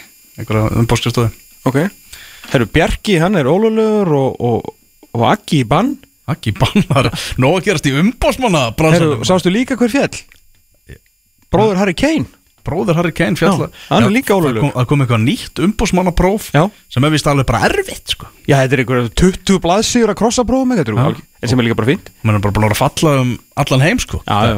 allt Er, eru sjúkrapróf, veistu það? Veit veist það er ekki langt síðan og reglunda var þær bara ef þú vildi vera umbósmaður þá sendur bara tölvupóst og það varstu það sko. Já, líkilætri var líka að þú getur dreigið andan já, það er eiginlega Það voru svona helstu reglum sko. já er þarna ein pæling sem er puntað þarna hjá mér Já. ég var að tala við góðan mann hérna í, í vikunni við vorum að ræða þessu um umspil lengjudeldarina sem að hefnaðast nú bara ansi vel Mm. Sérstaklega náttúrulega bara þessi þá þarf maður ekki verið skemmtilegu bara að klára þetta með þessum úslitaleik og þessum viðburði á, Að mómentið var gott. á, á lögatarsvelli en hvernig hljómar það? Að breyta umspilinu þannig að fækka undanúslitunum bara í eitt leik? Í staðis að þetta sé leikið heima og að heiman að þetta sé eitt leikur. Á hlutlusum nei, að það lið Sem að vinnu sér inn fyrir heima er, þá ertu komið meira vægi fyrir þá sem lendi í öðru og þriðja sætinu. Já að fá þér heimaleik í þessum undanúslitum Já. sem er, Og þá þýðir ekkert fyrir hitlið að mæta bara og ætla að reyna að ná 0-0 eða, eða bara tapa 1-0 og það er svona núna er eiginlega bara nánast sama hvort þú lendir í öðru eða fymta sæti skilur við þarna með því að fá þennan Já, þá, þá hefur það meira að keppa og þá er hægt að gera líka meira úr þeim leik. Út af því svona undanúslitin spiluð þarna á miðvíkudegi fyrirleikirnir klukkan fjögur um daginn eða eitthvað Mhm. út af, út af byrtu, út hjá- datt hann á að þetta voru graslið sko. já, já. ég held að þetta væri jákvæða breyting og hafa þetta þá bara þú veist, þá er þetta bara fimm dagar helvík verður bara skiluru þjöppuð niður sko Já, ég svona fljótu bræði sé, sé ekki það þessu sko Mm. Svona svolítið verður kannski aðeins meiri random faktor að hérna þú, farað að þig skilur rautspjald eða eitthvað á fyrstu mínútu og þá getur þú einhvern veginn bjargað andliti með að tapa bara 1-0 og svo áttu heimaleikin eftir. En, en samt að, að því sögðu að, að ég er svona sammálaðir að þá væru kannski síðustu leikinnir í deildinni að lendi í þriðja sæti og væru kannski bara bara átt á milli þriðja, eitthvað leysi þriðja og fjórða að ná heimaleiknum. Einmitt. af því að annars, ef þú fær ekki heimaleikin að þá ertu kannski á leiðinni hérna, til Njárvíkur eða eitthvað ef þeir eru að frábært fattar, ég, já, ég held að þetta geta alveg verið skemmtilegt sko.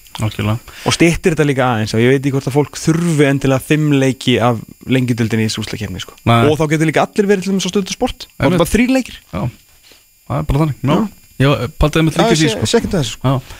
Heyrðu, við ætlum að fara að segja þetta hvað og hverju bara gott þennan lögadag við ætlum að nota ég núna næstu vikur og mánuði í að taka púlsinn á hennum ímsu mönnum í bestudeldinni og svona horfa tilbaka á, á tímabili sem er liðið og horfa einnig, einnig fram tíman þannig að það verður nóg af íslenska bolta í bland náttúrulega við enska boltan sem verður náttúrulega mun heldtaka hug þjóðarinnar næstu mánuði.